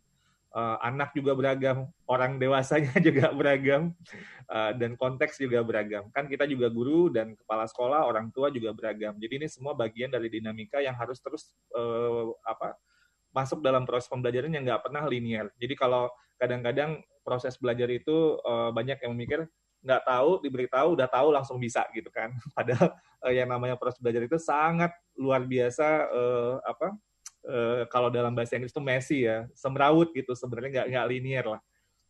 Jadi kadang-kadang uh, masalah ini masalah tahu dikasih tahu tapi kalau udah tahu belum tentu mau. Membangun kemauan tadi Bu Dokter Lula tuh bilang dengan anaknya di ini kondisikan dulu Bu Titis tadi yang anaknya diajak uh, apa main-main dulu atau ngobrol dulu gitu ya. Uh, ini ini sebenarnya membangun kemauan uh, dan kemudian nanti mampu. Kalau udah mau kemudian nanti bisa mampu. Tapi itu juga nggak bisa dipaksakan harus juga dibangun dengan cara yang menguatkan kemauan. Jadi pandemi ini menurut saya yang terpenting sebenarnya membuat ekosistem dalam konteks pendidikan itu ekosistem yang menguatkan kemauan. Jadi hal hal-hal yang saling positif bersinergi positif menguatkan kemauan uh, dalam mencari solusi-solusi ini hal yang terpenting menurut saya. Karena pada akhirnya kurikulum terpenting bukan saja masa pandemi ya dan apalagi masa pandemi. dalam ilmu kurikulum itu dalam riset itu bukan kurikulum yang ofisial atau yang resmi, tapi kurikulum yang sifatnya hidden. Hidden kurikulum itu kurikulum yang tersembunyi, yang lebih implisit, yang itu dari cara kita memperlakukan anak, dari cara orang dewasa di sekitar anak bersikap. Jadi kurikulum terpenting dalam masa seperti ini yang sangat signifikan yang akan selalu diingat anak itu adalah teladan-teladan dari orang dewasa yang ada di sekitarnya. Apakah orang dewasa itu dia menyerah dan kemudian mengeluh dan kalah atau orang dewasa di sekitarnya dia lihat berjuang disiplin berjuang bekerja keras untuk tidak putus asa. Dan ini menurut saya adalah hal yang kurikulum terpenting. Kita ngomong penyederhanaan kurikulum kurikulum mau di, di gimana pun disederhanakannya tetap yang jadi nanti yang akan berbekas kepada anak nanti di uh, masa mendatang itu adalah keteladanan atau sikap dari orang dewasa, bagaimana mereka diperlakukan, dan bagaimana contoh yang diberikan ketika menghadapi situasi sulit seperti ini. Dan ini menurut saya adalah hal yang uh, perlu terus kita kuatkan, kurikulum yang menguatkan kemauan. Kalau kalau Ki bilangnya kan bangun karso ya, membangun kemauan itu sangat penting. Dan uh, kalau Kartini bilang aku mau itu kata-kata yang sangat dahsyat. Walaupun beliau dipingit dan didiskriminasi sebagai seperti apa, tapi ketika ada kemauan, insya Allah di situ ada selalu ada jalan. Saya tutup dengan pantun ya, Mas Danes. Ya, siap. Ini selalu ditunggu ya. Bincang cerdas karakter di Sabtu pagi. Bersama Bu Titik, Bu Lula Kamal, dan Bu Titis yang penuh inspirasi. Luar biasa memang tantangan kita di masa pandemi ini. Janganlah patah hati, terus belajar berbagi untuk cari solusi. Terima kasih. Oke. Terima kasih Pak Dirjen. Ini selalu ditunggu nih penutup dengan pantun nih Pak Dirjen. Baik, terima kasih Pak Dirjen. Kita sekarang ke Bu Titi. Bu Titi boleh nggak disampaikan pesan-pesan Bu Titi untuk sesama guru nih Bu Titi? Silakan. Oke. Uh, dari segi pendidik yang paling terasa ya Pak di masa pandemi ini tuh yang paling terasa adalah guru tidak lagi mempunyai kendali terhadap lingkungan belajar dan perilaku murid. Iya. Jadi apa namanya tetapi hal itu juga menimbulkan dampak positif. Dampak positifnya apa? Guru jadi belajar menggunakan cara-cara belajar yang sering kali guru pun ternyata baru tahu setelah ada pandemi ini. Seperti itu. Kemudian keadaan ini juga menjadikan kita baik orang tua murid atau guru itu dapat saling memahami betapa besar pentingnya peranan satu sama lain dan saling memaklumi satu sama lain saatnya menguatkan, saatnya memberi arti. Seperti yang disampaikan oleh Pak Iwan tadi, jangan kalah dengan keadaan. Insya Allah nanti Allah yang beri jalan. Tugas kita hanya menghadapi, Allah yang akan menyelesaikan permasalahan. Kita berdoa bersama agar COVID ini segera pergi dari muka bumi ini. Demikian. Tetap Amin. semangat. Tetap semangat. Waduh, ya. luar biasa Ibu Titi. Ini membakar semangat gitu ya. Dan ini eh, poin penting dari Ibu Titi adalah kita belajar semua orang belajar dan dengan pandemi ini sebenarnya hikmah yang kita bisa ambil adalah ada banyak hal baru yang kita bisa pelajari dan juga kita kuasai. Terima kasih Bu Titi. Kemudian Ibu yeah. dokter atau Ibu guru, Ibu guru Lula Kamal, kami mohon untuk dapat memberikan Iya. Uh, yang pasti Mas Dirjen, Mas Dirjen juga Mas aja ya. Mas Dirjen ternyata pantunnya wokeh ya. Yang pasti tetap saja, pokoknya uh, ramuan pertama adalah belajar harus menyenangkan. Terus buat ya ibu-ibu atau barangkali ibu guru, orang tua, nggak usah panik. Kita semua belajar. Gurunya belajar, orang tuanya belajar, anaknya sudah pasti harus belajar. Kita berada di situasi yang ternyata kan kita juga nggak mau. Tidak ada latihannya. Yang paling penting, nggak usah takut berbuat salah. Setiap ada yang susah, nanti diikuti dengan kemudahan. Berarti kalau yang sekarang susah, kita tinggal nunggu loh. Yang mudahnya aja nanti datang. Ayo, semangat untuk berkreasi ya buat semua orang tua yang mendampingi anaknya belajar. Jangan lupa, belajar itu harusnya bahagia buat anaknya, juga buat orang tuanya. Wah, luar biasa. Bahagia itu bukan hanya untuk anaknya, tetapi juga orang tuanya. Karena saling mengisi. Baik, terima kasih Bu Dokter untuk uh, sharingnya. Yang terakhir nih, Ibu kita dari Sanggau, Ibu Titis, kami persilahkan Ibu. Uh, terima kasih. Kalau dari saya, uh, statement terakhir adalah marilah kita menjadi guru yang berdaya, seperti yang sudah saya sebutkan tadi, bahwa menjadi guru berdaya itu adalah guru yang selalu mencari cara, bukan hanya sekedar mengeluh dan mencerca, tetapi kita menjadi solusi untuk uh, pendidikan yang bermuara pada murid. Itu saja sih Mas Danas. Terima kasih.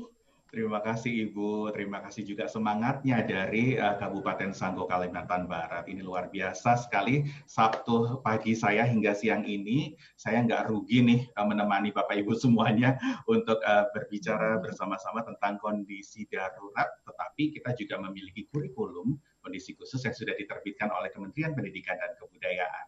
Satu hal yang uh, kemarin diingatkan oleh Mas Menteri adalah bahwa kondisi yang susah ini, krisis ini tidak mungkin diselesaikan oleh sendiri-sendiri, tapi ini saatnya kita bangkit bersama, maju bersama untuk menyelesaikannya bersama-sama. Guru, uh, kemudian orang tua yang ada di rumah dan juga peserta didik bekerja bersama untuk menyelesaikan krisis ini.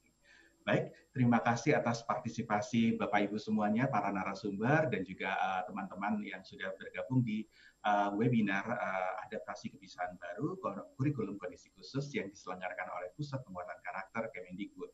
Uh, saya ingin mengingatkan sekali lagi bahwa uh, sesaat lagi sebelum kuis uh, sebelum apa namanya uh, kita akhiri ada yang namanya lomba refleksi uh, cerdas berkarakter yang bisa anda ikuti bapak ibu semuanya uh, mungkin panitia bisa menampilkan posternya.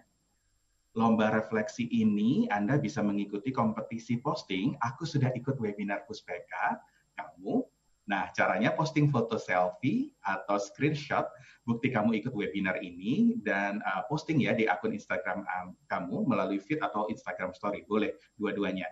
Jangan lupa untuk tag uh, akun cerdas berkarakter titik Kemdikbud RI, tulis captionnya refleksi setelah mengikuti webinar ini Allah kamu.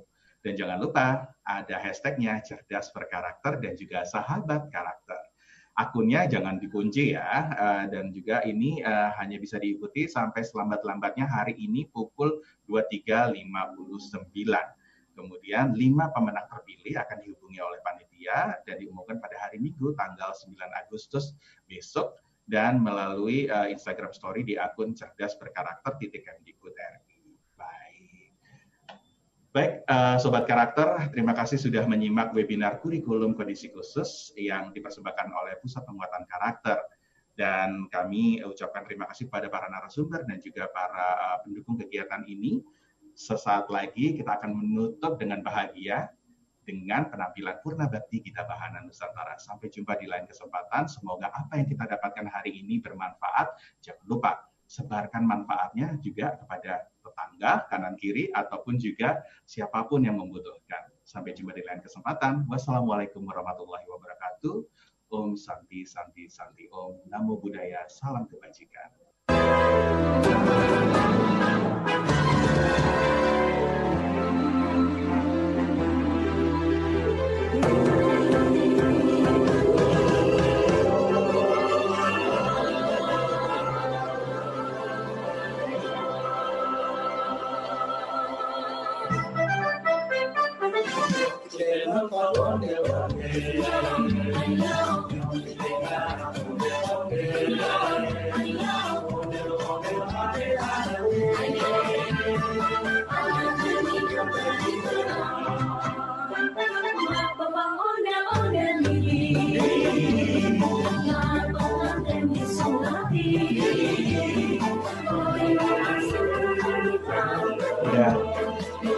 Sorry ya, karena ini tadi apa jawabannya banyak panjang ya.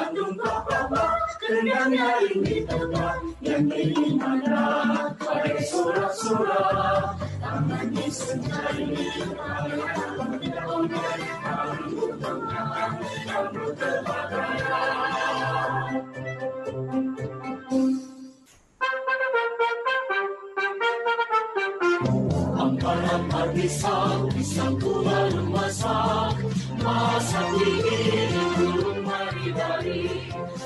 Masak ini di burung hari-hari Mengalepok, mengalepok Angkat kayu rengkok Rengkok di api Nanti jatuh turun Rengkok di api Nanti jatuh turun Nama-nama disebut Di di di jamu jamu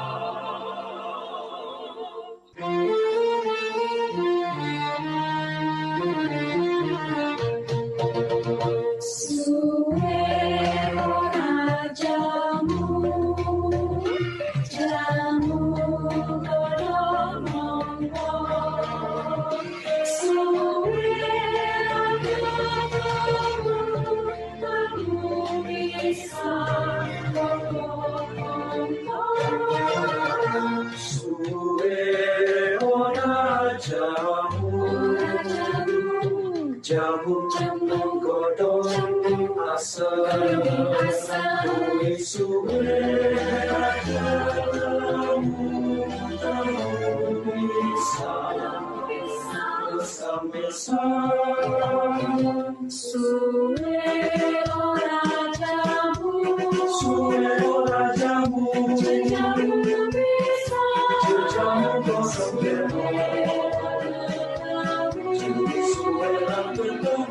anu bisa ora suwe